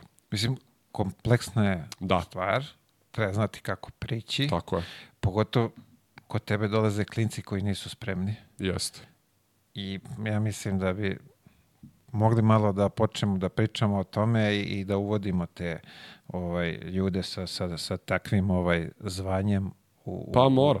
u sport da ih je što više. Pomenuli smo Rikija, eto, ko bi rekao, mislim, da, da on onakav momak, ono što se kaže, uvek smire na terenu i, i sve što i ima u životu i tako dalje, pa eto, znači zbog ono kako je izjavio mental issues, da, da, da pravi pauzu, ja sam prvi bio kao, au čoveče, znaš, mislim, što je priznao uopšte, nije možda taj on morao da izlazi, on mogu sam kaže, me prekida, maj vidimo se, čao, zdravo, Da, da, mislim da. da i on teo da skrene pažnju na to, da je važno da prosto se neko radi još sa tim momcima, ali ipak ja imam neko iskustvo, informišem se, pročito sam i neke knjige, ali nije isto kad neko ko je zaista u toj materiji zna i koje testove da da, da proveri Da, da. i tako dalje, tako da slažem se s tom. To Mislim, mi smo ovako, inače ovde kod nas je sve Zatvoreni smo zatvoreno, jest. sramežljivo, Jest. sramežljivo da kažeš da imaš problem Pa ono što ti kažem, god. stiljivo da, da odgovoriš Tako na je. poruku. Bravo, evo, a, iz te ne, grupe, a ne da. ovo je, pa to Ako ti dovoljno. odgovoriš, znaš Pa, da će ovaj da te dočeka i ovamo razapećete odmah čim dođeš na trening. Jest.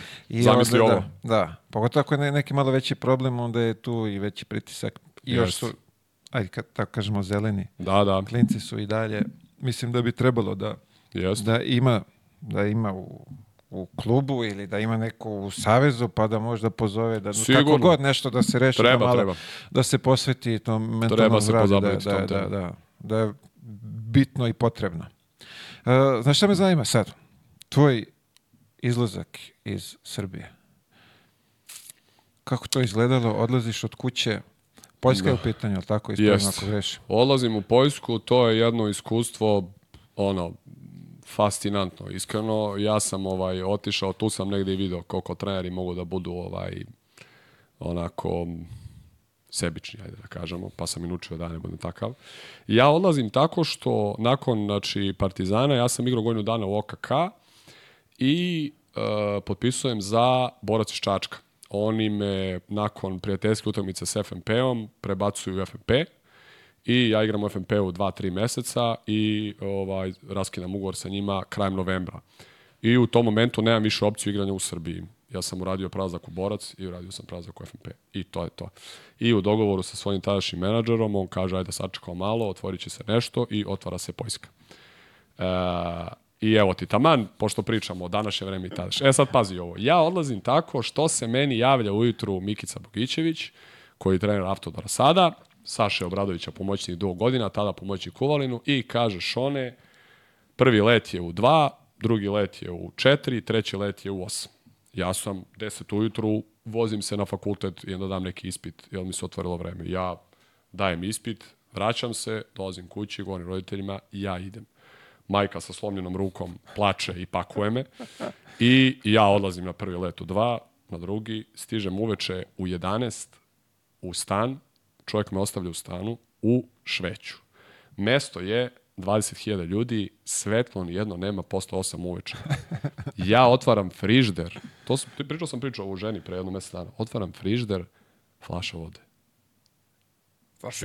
Mi. ko čovjek.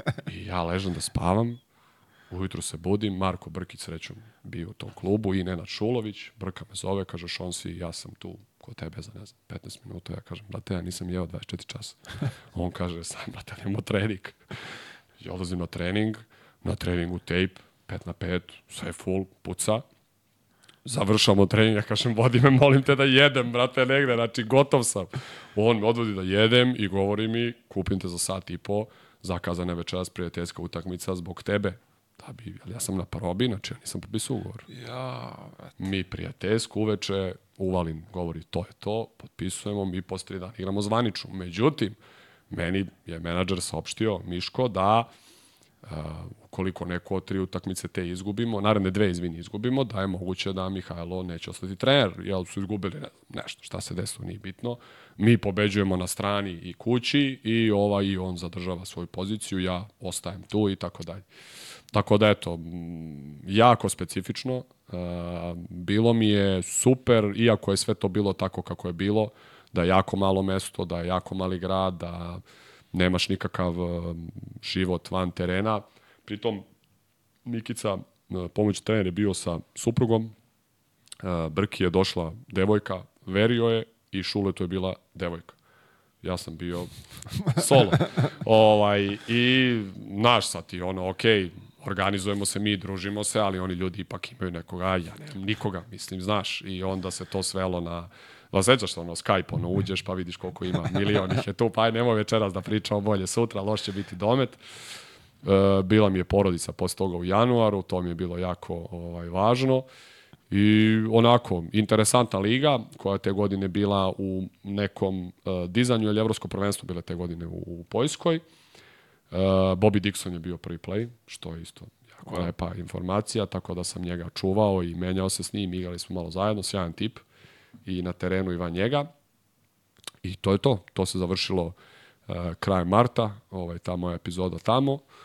I, i, i, i posle toga sam imao opet inostranstvo. Otišao sam u Crnu Goru. Tako da, ovaj, onako kažem, upoznao sam puno ljudi tamo za kratko vreme, video jedan nivo košarka onako dosta, dosta dobar i video taj neki uh, surovi profesionalizam kako funkcioniše. E, veoma ovaj, volim da se posvetim tome, da vidimo taj izlazak iz zemlje, kako, kako si ga prihvatio, kako ste dočekali, jer to je toliko surovo da zna Ništa. da bude Sve da, sam da, ti rekao. da, Evo, da stvarno sve sam ti, znači čovjek me pokupio koji ne priča engleski, dovezo me, otključao mi stan i okrenuo se. To je to. Ja nemam, mislim, znaš, ne radi ništa, to je to, on brka zaspo, mislim, nemam koga ni da zovem, kažem ti flaša vode, ja popio vodu, javio roditeljno stigo, lego da spavam, šta ću? Mislim, nema, znaš, to je stvarno, uh, ljudi ne kapiraju i, i kako sve to funkcioniše i sigurno je sada to sve na većem nivou, naravno, ali to je tada bila, pazi, ja sam otišao iz kluba, meni glavni trener nije ništa javio, nije se pozdravio sa mnom, Srbin. Mislim, šta da je ti kažem. I onda me sreo posle, ne znam, četiri meseca na utakmicu u Beogradu i gledam i kao vidi ovaj neće da mi se javi. Pa kako ti se javim prijatelju, znači, otero si me ko posljednje kuće i sad se čudiš šta tebi neću da se javim. Svaka super je trener, ali I ostavili mislim... smo ti po, Da, pa čoveče, znaš, ono, nema smisla, ono, minimum neke ljudskosti da zadržiš, ono, naš, tako da, bilo onako, kažem ti, to video sam baš kako to funkcioniše, ono, kad sam igrao dobro, sve okej, čim sam prve dve utakmice odigrao loše, odmah je počeo se priča o drugom playmakeru i doveden je drugi play, posle, ma nema bre, jednu izgubili kući, jednu na strani i eto ti ga drugi Čas play. posle, ali čekaju u redu, čekaju Ma, u redu za posao. Bre. Super play doveden, bolji igrač od mene. Nešto ja ono nemam sa tim, ali očas posla i ono slačionica četiri Poljaka, četiri Srbina, četiri Amera, svako u svom delu i to je to. Baš, baš, baš surovi profesionalizam. Pogotovo to u, u tim malim sredinama kad odeš, što kažeš, nema ništa, Nema. vosa se zatvara sve. Ako nisi kupio da jedeš pre To je to. ćao, možeš na pumpu samo i Ne, pitanje ne, kraj. i ona dole radi. Veruj mi, evo, ja prva stvar koju sam radio, uh, došli su mi roditelji, ovaj, brat rođeni i njegova uh, supruga da mi dovezu auto. Oni su došli kolima, ostavili mi auto i vratili se avionom. Jel, ono, ne mogu bez auta, mislim, inače mi ne treba, ja sam bio u Švedskoj godinu dana bez auta. Šta će mi? Ali sam bio u Stokholmu. Znaš, boli me uvo. Ovde sam bio u mestu gde moram negde da odem čoveče da bi video živu dušu. Da, da. Havarija. Uh, Švedska. Hladno a standard. Švedska, fantastično. Fantastično iskustvo. To su oni...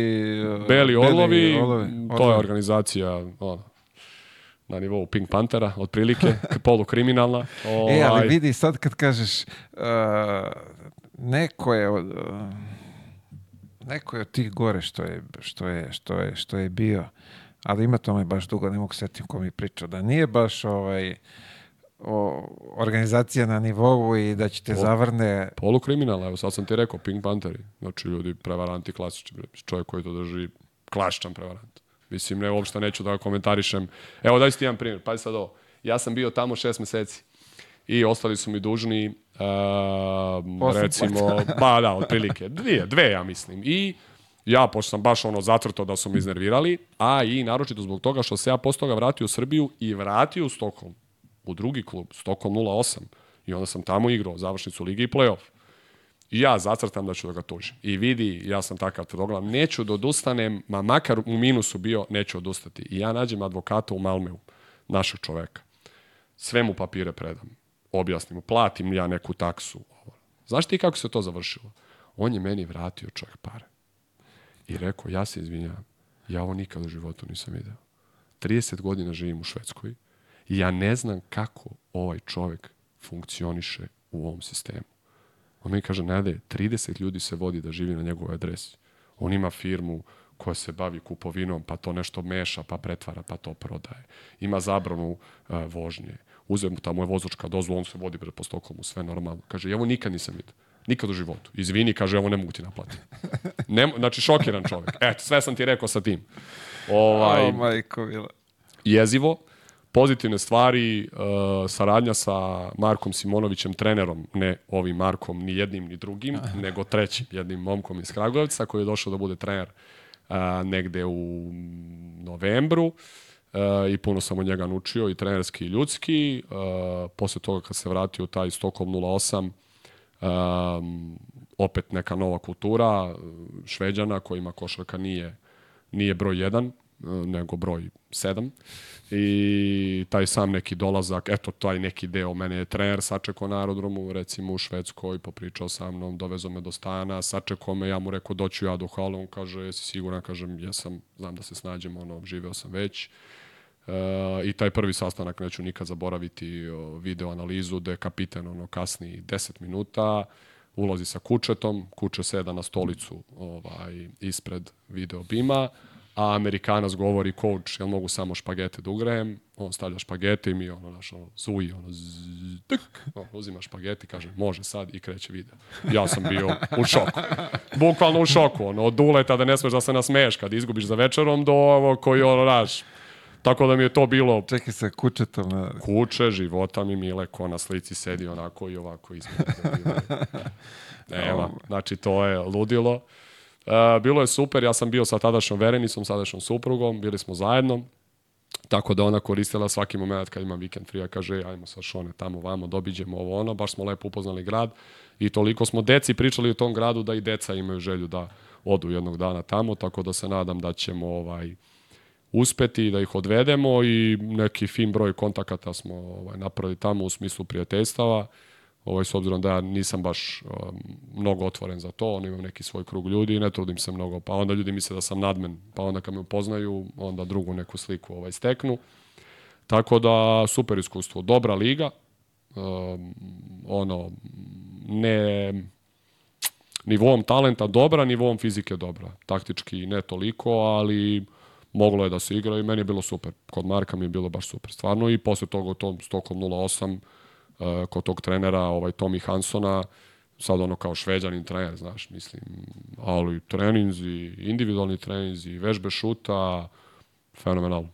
Majke mi fenomenalno. On je teo da me ostavi, da me vodi u, u jedan drugi ovaj klub u Švedskoj koji on posle preuzao, ali ja sam odlučio da, da ovaj stopiram tu što se tiče igranja. Što je bilo od Švedske? Jest. Hvala vam. Ne I treba. imao sam opciju za sudaritelje kod Vedana Bosnića, to mi je možda žao što sam ovaj odbio, ali ok, ispalo dobro.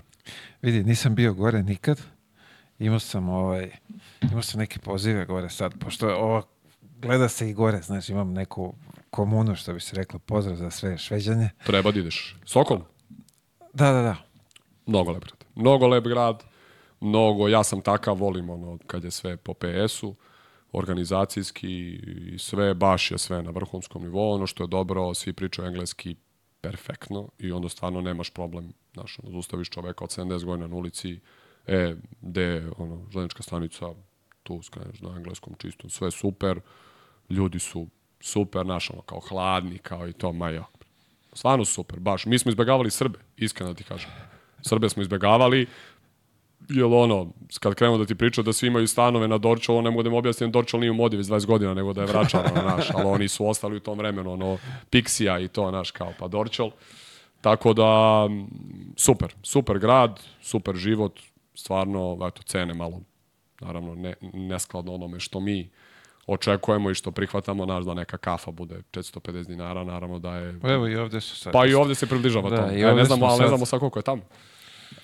Pa vidi, da. Moguće da, možda je sad skočilo, sad je tamo 7-8 eura Jest. kafa, otko znam. Ali super, super iskustvo. Hladno, ali standard, to je bitno. Tako je. Pozdrav za sve, još jednom pozdrav za svu ekipu, komunu gore u Švedskoj, koliko vas ima. A, šta smo ovde za- zapisali, još nešto pametno sam hteo da te pitam, ako pametno može da se kaže. A, kad počneš da razmišljaš o kraju karijere? Tada, tada posle Švedske, to je 28 godina, ovaj, uh, uh, imao sam znači, tu ponudu da se vratim tamo, imao sam neku ponudu da idem u Češku i uh, iz nekih razloga i, i malo privatnih i porodičnih sam sve to odbio i dogovorio sa Dejanom Đokićem, ovaj, Đoletom, da igram za Žarkovo ovaj, prvu srpsku i da tu polako mm, završio sam Alfa ovaj, fakultet, sportski menadžment, nisam imao sa tim opciju za trenera, pa sam onda upisao višu ovaj, trenersku na Čukarici, da sam imao još ovaj, nekih pet diferenci, diferencijalnih ispita i jednu celu godinu da završim da bi dobio crvenu licencu, tako da sam uporedo to jedno i drugo. I kad sam završio tu jednu sezonu u Žarkovu, imao sam sastanak sa ovaj, Zokijem Đurkovićem i Žarkova, koji mi rekao, je, mi bi volili da još igraš uh, i imaš želju da budeš trener, ja sam rekao imam.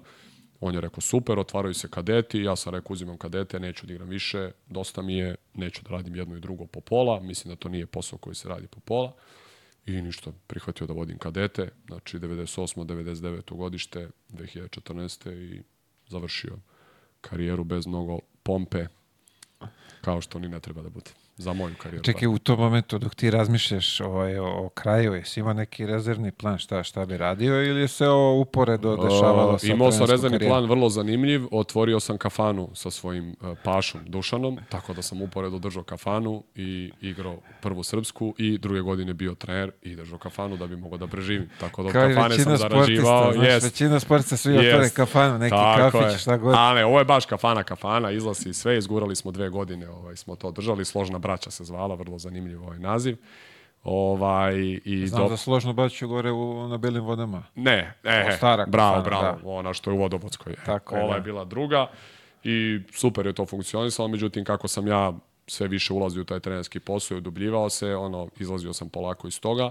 Toko da nisam imao neki backup plan, što iskreno kad pogledam sad iz ovog ugla je totalna budalaština što sam uradio, ali očigledno ovaj, nekad i mora Nisi tako... jedini, nisi jedini. Da, znaš, većina nas, Pa baš jeste. ovde koji god prošao, ovaj, kad ga pita, Da. uf, kao, pa, pa Sad nisam. ne bi tako uradio, iskreno. Jel naš opet ono, 28 godina, oženio se i radim dve godine za redom za 20.000 dinara. Mislim, kataklizm. Ono, a e, nije samo to, nego ti ne vidiš da li će to da ode u nekom smeru ili neće. Da. A realnije je da neće. I mislim, ok, moj put je bio takav da je delovalo da neće, ali korak po korak naš, ali onako, trebala je podrška velika i, i porodice, i, i uže i šire, i svih ljudi ovaj, oko tebe, da se to sve nekako izgura i baš jedna ozbiljna motivacija, mislim, da to izvučeš na taj način. Čekaj, molim te, kako izgleda voditi kafanu? Kog se ti, Voditi- vo- se bavio ti uopšte? Ovaj? Pa dosta, mi smo dobro raspodelili poslove, ovaj, e, e, Pašo se bavio tim finansijskim delom, ovaj, s obzirom da on matematičar i vrlo je disciplinovan i ozbiljan i tomu domu ide jako dobro, tako da on hendlovao taj deo. Ja sam se više bavio e, nekim organizacijama, e, žurki, saradnji sa tim e, ovaj studentima i tako dalje. To su bile te neke varijante. Ti nađeš nekog momka koji ono je uglavnom iz unutrašnjosti, on organizuje neku žurku utorkom koji ti je neki polumrtav dan, dovede ti 100 ljudi i ti mu daš određeni deo od, od zarade i znaš, tako funkcionišeš te dane, preživljaš. Tako da ja sam i taj posao doživljavao kao i svaki drugi, vrlo ozbiljno. Ja i domaći čer, sa čerkom kad radim, ja ga radim ozbiljno, znači ono ne, nemam nikakvu fazu opuštanja. I ono, ja sam uglavnom, ja i on zajedno u stvari dođemo oko 8, proverimo sve ok i budemo tu ono, 2-3 ujutru, mislim, bez uh, cirkanja. Znači, ne kao tu sam, pa se ja sad kao ne, nego sedim, gledam, eventualno probleme preduprediš, kako rade svi, nemoj konobari da pušite itd. Znaš, ono, sve ono normalno, tako da posao kao i svaki drugi, samo što je, dođeš kući u 3, 4, Znaš, tako da nije, nije bilo lako ovaj, to izvući, ali dobro, jedan ono, zanimljiv period života, mislim, Nisam, interesantan. nisam znao taj podatak. Da, da, sad, da, Sad si me da, da. s tim, da. Lepo je bilo, smo ono, znaš, malo smo se više možda družili nego što bi inače, pa i onda drugari često navrate kod mene, ovi moji, da, da popijemo piće i ovaj, normalno bilo i problema kao i svakom poslu, ali sve ukupno, znaš, lepa neka sećanja, ne savjetujem nikome da to radi. Nemojte uraditi kod nemojte kuće, to, ne, kako ide, ne, da. ne, to nemojte. Carski. Tako A viš da- tebi, znači, ti si rođen bre za, za te organizacijne... Pa tako Stvari. ispada u suštini kao devica je ovaj moj znak horoskopski, tako da kažu da to ide uz to. Ja nisam sad neki ono zavisnik od, od kako kažu uglavnom za device, kao mora sve da bude na svom mestu. Mislim da to ne, ali ono, da volim da je sve ovaj negde, i oca me je zvao na reprezentaciji uh, control freak. Tako da, vrlo ovako, diskretno s njegove strane. Dobro, pusti ih, mogu večeras da legnu kad hoće, ne moraš da im kažeš. Tako da, eto, to je to. Je to. Vidi. Treba to sve, svaki čas mogu ti reći. Što kažeš, bez backup plana Jeste. upuštaš se u nešto novo. I dobio još otkaz na kraju prve godine Žarkova iz kadeta, tako da ono, znaš, to nije baš neka perspektava, da, da, obe, ob, perspektiva obećavajuća. Tako da sam tu bio na nekoj prekretnici da li da ili ne dalje, ići uopšte ili ovaj e, menjati uopšte taj, taj uopšte tu želju da budem trener. Ali eto, otvo- otvorio se taj neki ovaj vitez, jedna mnogo lepa priča i ona mi je za dalje onda omogućila i Zemuna, posle i znaš da ti to ne pričam. To ni nije toliko važno sad. Više to, ali bre, to u- što bi se reklo, olakšali su ti u karijeri. Da, Otkaz u, Žarkovu. Otkaz u Žarkovu kadeti. Mislim, znaš, realno kad se to desi, to je kraj. Mislim, Da, to je ono baš da se zapitaš Pa, kao, čekaj, čekaj. ja ako ne mogu kadete, iako, šta ću... Iako sam ja, ono, po meni uradio neki dobar posao, međutim, to, ono, znaš kako ide kod nas, ono, u subotu si super i onda naredna subota finalni turnir i ješ, one, to više nije to. Okej. Ovaj, međutim, nekako tad, eto, kao to je neko svetlo, mislim, na kraju tunela. Zvuči sad to glupo, ali mene je zvalo pet klubova, zaista iz normalno nivoa, skladno tome, prva srpska, juniori neki i tako dalje, ali su me zvali da dođem. Ja sam bio ono kao, e pa, okej, Čekaj. znači, prepoznaje neko da ja nešto Da, radim, da, da, dobro da, je, da. ja sam mislio crno je sve, to je to, kraj. I ono, odlazim na sastanak sa tim ljudima iz Viteza, Marko Rakić, ovaj, jedan od vlasnika kluba, inače i playmaker tada, kome inače, eto viš koliko je život lep, idem na svadbu za 10 dana, ovaj, tako da su to ono neke lepe stvari koje ostaju. Ja ono, sa sve rokovnikom, planom treninga, priprema, oni ljudi sedi, kaže, čekaj, čoveče, imamo tri termina, imamo jednu loptu, znaš, ono, polako, ali se njima svidelo to moje, meni se svidelo što sam video da ću dobiti neka prava malo veća nego što je realno, iako su seniori u pitanju. I rekao bih da je tu negde krenuo moj trenerski put ono na pravi način, da sam ja tu polako upoznavao i sebe i ekipu i momci fenomenalni, mislim, hvala im do neba, eto to, oni su bili u Nišu, recimo, došlo njih 4-5 da gleda polufinale, ovaj, i čujemo se i vidimo ovako s vremena na vreme i dolazi u železnik i tako dalje. Tako da mi je taj vitez prva stvar koja je mogu- omogućila i da sam ja onda stvarno koliko možda u igračkoj karijeri nisam verovao u sebe, posle te godine sam baš ono imao veru da, da mogu to da izguram na, na ovaj nivo na kom sam sad. Dobro, kroz, posle kroz Zemun je to... Jest, to je bilo postepeno, znaš, četiri godine, što se kaže, olimpijski ciklus, polako, juniore i seniore, pa ajmo ulazak u viši rang, pa ajmo Zlatus junior, ali to je išlo zaista polako. Znaš, ovo Vitez je onako bio prvi ulazak gde, znaš, vodiš neki tim koji, mislim, ništa, ne zna niko za njega, imaš neke četiri pobede na polusezoni i drugi deo odjednom nekako kao svi po znacima navoda pričaju o tebi, jel se videlo da se tu nešto dešava i da se radi. Znaš, tako da to je prvi onako neki moj iskorak. U stvari ja sam dobio posao u Zemunu tako što smo mi s tim Vitezom pobedili Zemun 35 razlike u Pinkiju, koji je za nas klupčina, mislim, u tom momentu. E, tu je ono bilo kao, u bok te vidi, šta se ovo dešava. I onda na kraju godine me predsednik Zemuna zvao i Evo ga ovaj mali izgleda zna nešto. Da, da, da, da, da, da ali naš ko, to je, pazi, Vitez da dobije Zemun u Pinkiju 35 razlike. Mislim, To, znaš, to sad zvuči nekom ko je, ali to ne postoji. Zemun je na nivou prve srpske ozbiljan Da, da, da, klubre, da, da. uvek bio i biće, razumeš? Tako da, Vidi svaka ti čas, sad slušam priču. Či kao prvo, ti prestaješ igraš karijeru, nemaš nikakav plan šta ćeš da radiš. Uhvatiš se kadeta, dobiješ otkaz, odeš, vodiš vitez, za koga evo ja i sad ne znam ne, pa o ne čemu pričaš. više, tako je. naravno, da. Znači, treba, koliko zapravo ti trebaš budeš realan da se spustiš na taj nivo Da, da. i onda da kreneš polako. Jeste, jeste.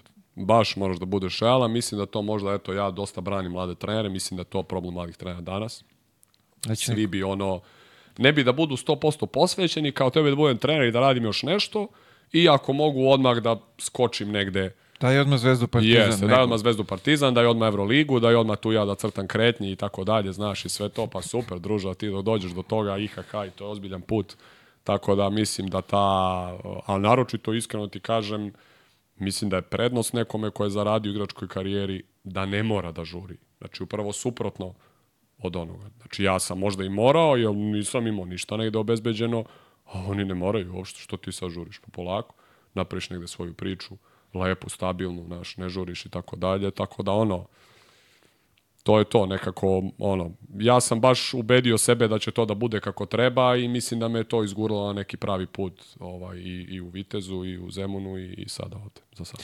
To je to. To je ta priča. Možeš da ubediš sebe Jest. da je moguće. Tako je. Veliki ciljevi ti pomažu da, da to, ovaj, što ja kažem, maštajte da bi došli do toga. Jest. Ja isto, ja se ovde hvalim da sam, sve što sam ja mašto dok sam bio klinac, ja sam to postigao. Nisam, ok, zadržao se na nekim, kao u, u Americi, ne- koliko sam mislio da hoću, naravno, velikim ovaj delom krivica je moja, ali ono što sam ja mašto, ja sam to postigao. Tako je. da je ta mašta, zato uvek volim Jest. da pitam šta si maštao na Pa početku. to, eto. Dokle si Doživet stigao, ćemo i taj Madison Square Garden. valjda. Zašto da, da ne? Da pogledamo Zašto? utakmicu ako ništa. Pa vidi, turistički, bar da Jest, kupimo suvenir vić, neki. Da. vić. Mogu ti reći, bio sam tamo, igrao sam Madison Square Garden za mene da ne pričam više, to je baš... Dobro. Ne znam da li su nešto sad promenili, Promenili, da, nekako lepo ali... u centru, majku, nema pojma. Dobro. Pa baš zbog toga, ja sam očekivao sad ću uđem tu kao, da, wow. da, da, da. I tu gostujuću slačionicu, znaš nešto to izgleda? Ništa spec, znači. Dobro. To je, ne znam sad, u Pinky da uđeš. Samo eto što ima tepih dole, to je, to Da. je cela razlika. Dobro, vidjet ćemo. Baš samo onako nisam. Kapiram da je domaća slačionica full sve na, nasvirano, ali ovo mi je... Nisam. Slažem se, treba maštati, treba ono, ali opet kažem ti, ja sam nekako se trudio da, da ta neka moja mašta i neki ciljevi da budu realni, znaš, nisam nikad ono nešto, pazi, ja sam čak hteo da ostanem u Vitezu, mislim, to toliko sad zvuči, ja sebi kad, ja sam stvarno hteo da ostanem, jer kao ono, e, okej, znaš, kao, dobro smo završili sezonu, ako zadržim sve ove momke, znaš, i ako dovedem možda još jednog, Pazite, mislim, to može se kreten kompletan, znači, realno. A zove me Zemun, kao s druge strane, znaš, on ozbiljan klub, bre, duplo veća plata, termini u Pinkiju, dve selekcije, ulaziš na neki nivo naš da opet će se biti, ne znam, ono, na malo veća scena i sve. Ja kao, znam, ali vamo u Vitezu, ako mi ostanu, naš, ova trojica, možda bi mogli, naš, i to, tako da, ono, ja sam samo, naš, maštao sam, ali sam bio, ok, ajmo, ove sezone, to je cilj, pa polako. Trenerske muke. Da. Trenerske muke. e, šta bi izdvojio za najteži moment u karijeri? Trenerskoj. Trenerskoj. Pa bolje trenerskoj. Bolje, ajde. Pa za sada dva. Za sada dva.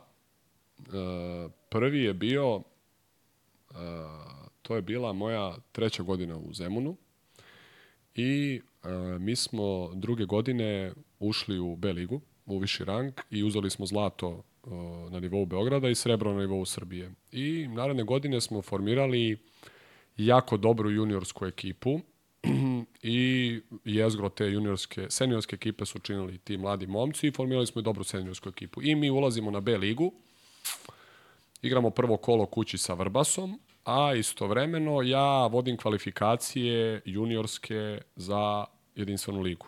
Ovaj, I mi smo u grupi sa Zvezdom, Dinamikom i Vizurom.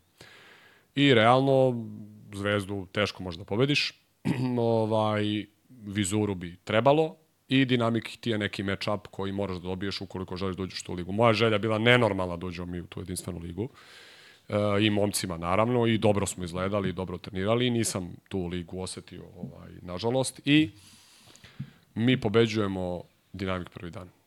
I naravno, ono, euforija opšta, oni su u tom momentu daleko bolji klub od nas, mislim i Nikola Marković ih je vodio i nema priča nikakve, mislim, oni su u toj ligi bili godinama, mi nismo, mi ih pobeđujemo, sutra igramo sa Vizurom u 2, igramo uveče B ligu s Vrbasom kući u 8, znači ja vodim dve utakmice isti dan, to neću da komentarišem.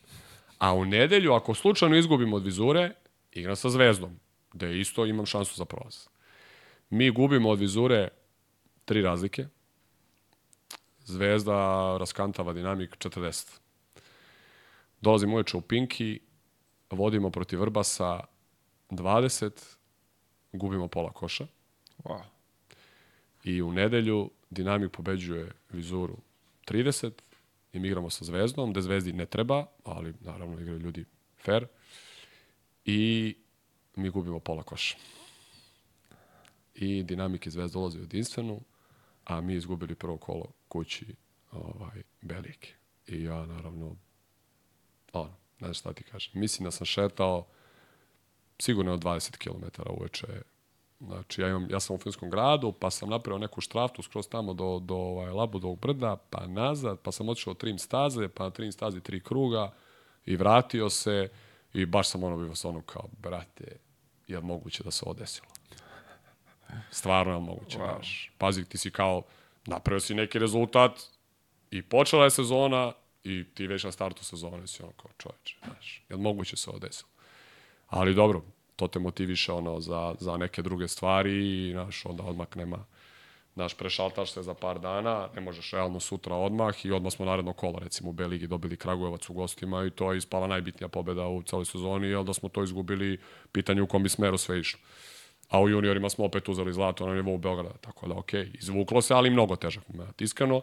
I drugi je poraz od Danaca ovaj, u Pioniru, to je jedina utakmica koju nisam pogledao. Ovaj, da, baš mi je teško palo, ono, mislim da nije prošla nedelja da u kancelariji ono nešto pričam, da ne kažem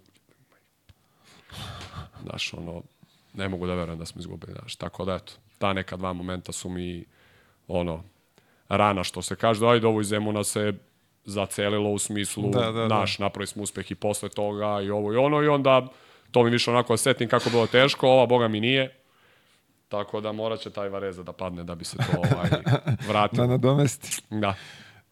Vidi, Uh, što bi ja rekao, mladci, karijera ispred tebe, bit će još tih da, da poraza. Da, bit će, bit će. Bit će i pobjeda, sigurno. tako da... Biće sigurno, biće sigurno. Budi spreman na to. Da, da.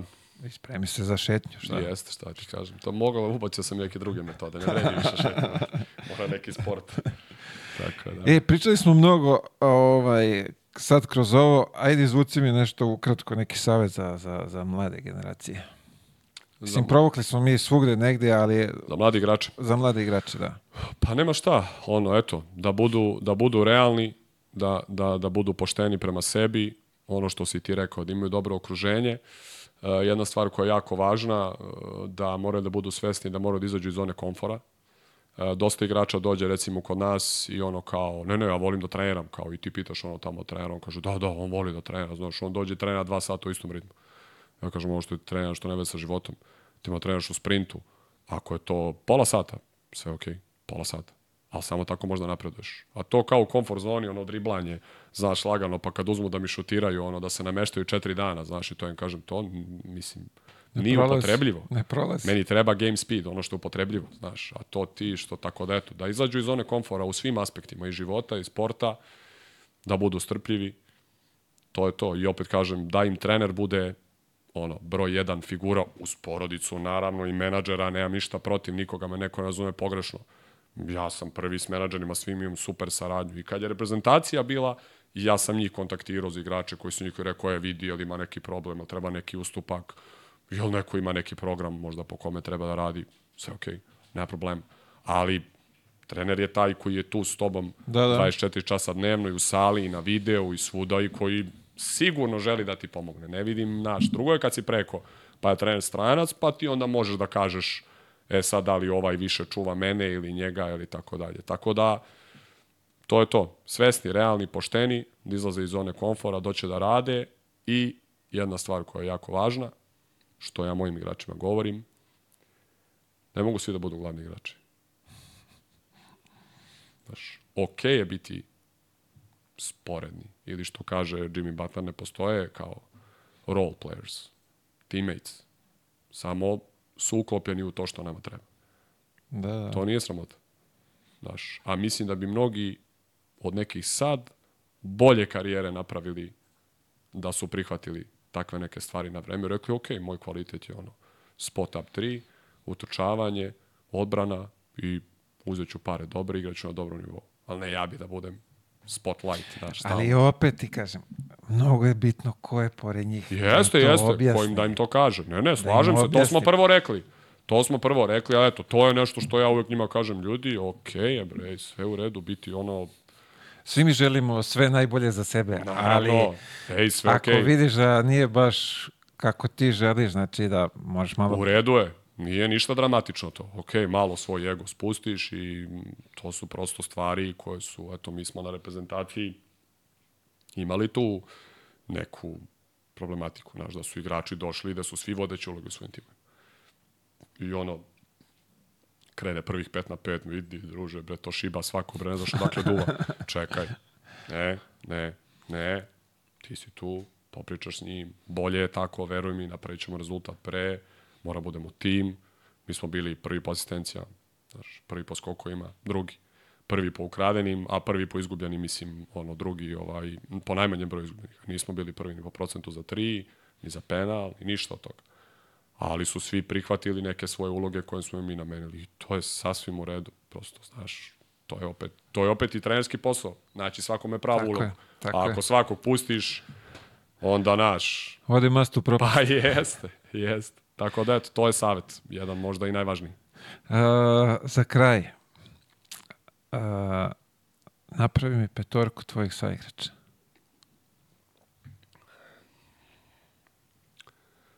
Petorka mojih saigrača.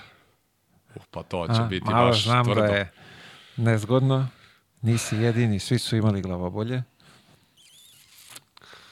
Pa pazi, e, na jedan Vontigo Cummings, bez razmišljanja. Vrhunski momak, to je broj 1, i vrhunski igrač, to je broj 2. Pozicija 4, Rasko Dramićanin, Bora Čačak, Rale je ono, nestvaran momak i, i, i ono i igrač, i pametan, i ruka za tri, ma sve, mislim, nema šta. Ono, tako da pozdrav taman za Raleta ovom prilikom. A, on je na četiri. Pa ono, na pet, sad opet tu negde, ne znam da li mogu za jednog da se odlučim, majku. Ne, stvarno ne znam. Ovaj, ali ajde, nek bude Deki. Ajde, on je realno pet. Ovaj, nek bude Deki na pet. Deki Mile. Da, da, Deki Milović. Ovaj, tako da, taman ovi iz Partizana da me ne vređaju više. A, Deki na pet. E sad ovo s polja, ovaj, opet, eto, više igrao sam s Bobijem. Znači, realno i on je tu mogao da bude možda... A Bobi na jedan, Montigo na dva, šta? Može i visoka. Da. Kako sad vidiš svetsko prvenstvo, pet visokih, pet Da, bekova, može da. i tako. Pa pazi, šupot na tri je bio čudo. A, Šupot na tri je bio monstrum, neviđen, tako da ne, ne mogu da, mislim, zvuči sad glupo, ali naš, i s Pekovićem sam igrao, mislim, on je stvarno zver bio već tada, tako da, ajde, eto, ta neka, eto, ipak su saigrači centarska linija. Pa da, ipak su ovi momci s kojima sam igrao u Partizanu, naš, realno, ono, najbolji s kojima sam igrao u karijeri. Opet igrao sam u Čačku s Ivanom Žigeranovićem, koji te godine bio MVP, ono, pocepao je svaku peticu u ligi čovek. Da, tako da, da. mi s njim bilo super, znači, ono, ne mogu ništa da, da sad, ovaj, da sad nešto kažem, ali ajde, eto, nek bude to Deki, Rale, Šuput, Bobi, i ajde Vontigo, Vontigo na dva, ajde, nek bude Bravo, tako. bravo. malo neka Dobra jedna sredina. visoka. Jest, Dobra jedna visoka jest. petorka. Dva playa, ali 3, 4, 5 sa sajzom. To je sve normalno, može da se igra i tako. Mojite kako. Uh, zamolit ćete ovde jedan potpis. Može. Skupljamo potpise. U jednom momentu loptu ćemo dati na aukciju. Od skupljenih sredstava donirat ćemo kome bude potrebno. Treba lepa akcija.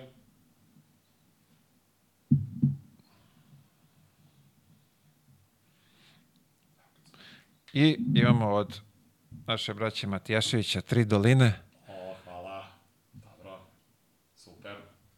Poklon. Popiće Moko... se. A, da, Aha, moraš da, sorry. mi nismo čuli. Super, Ne hvala. se.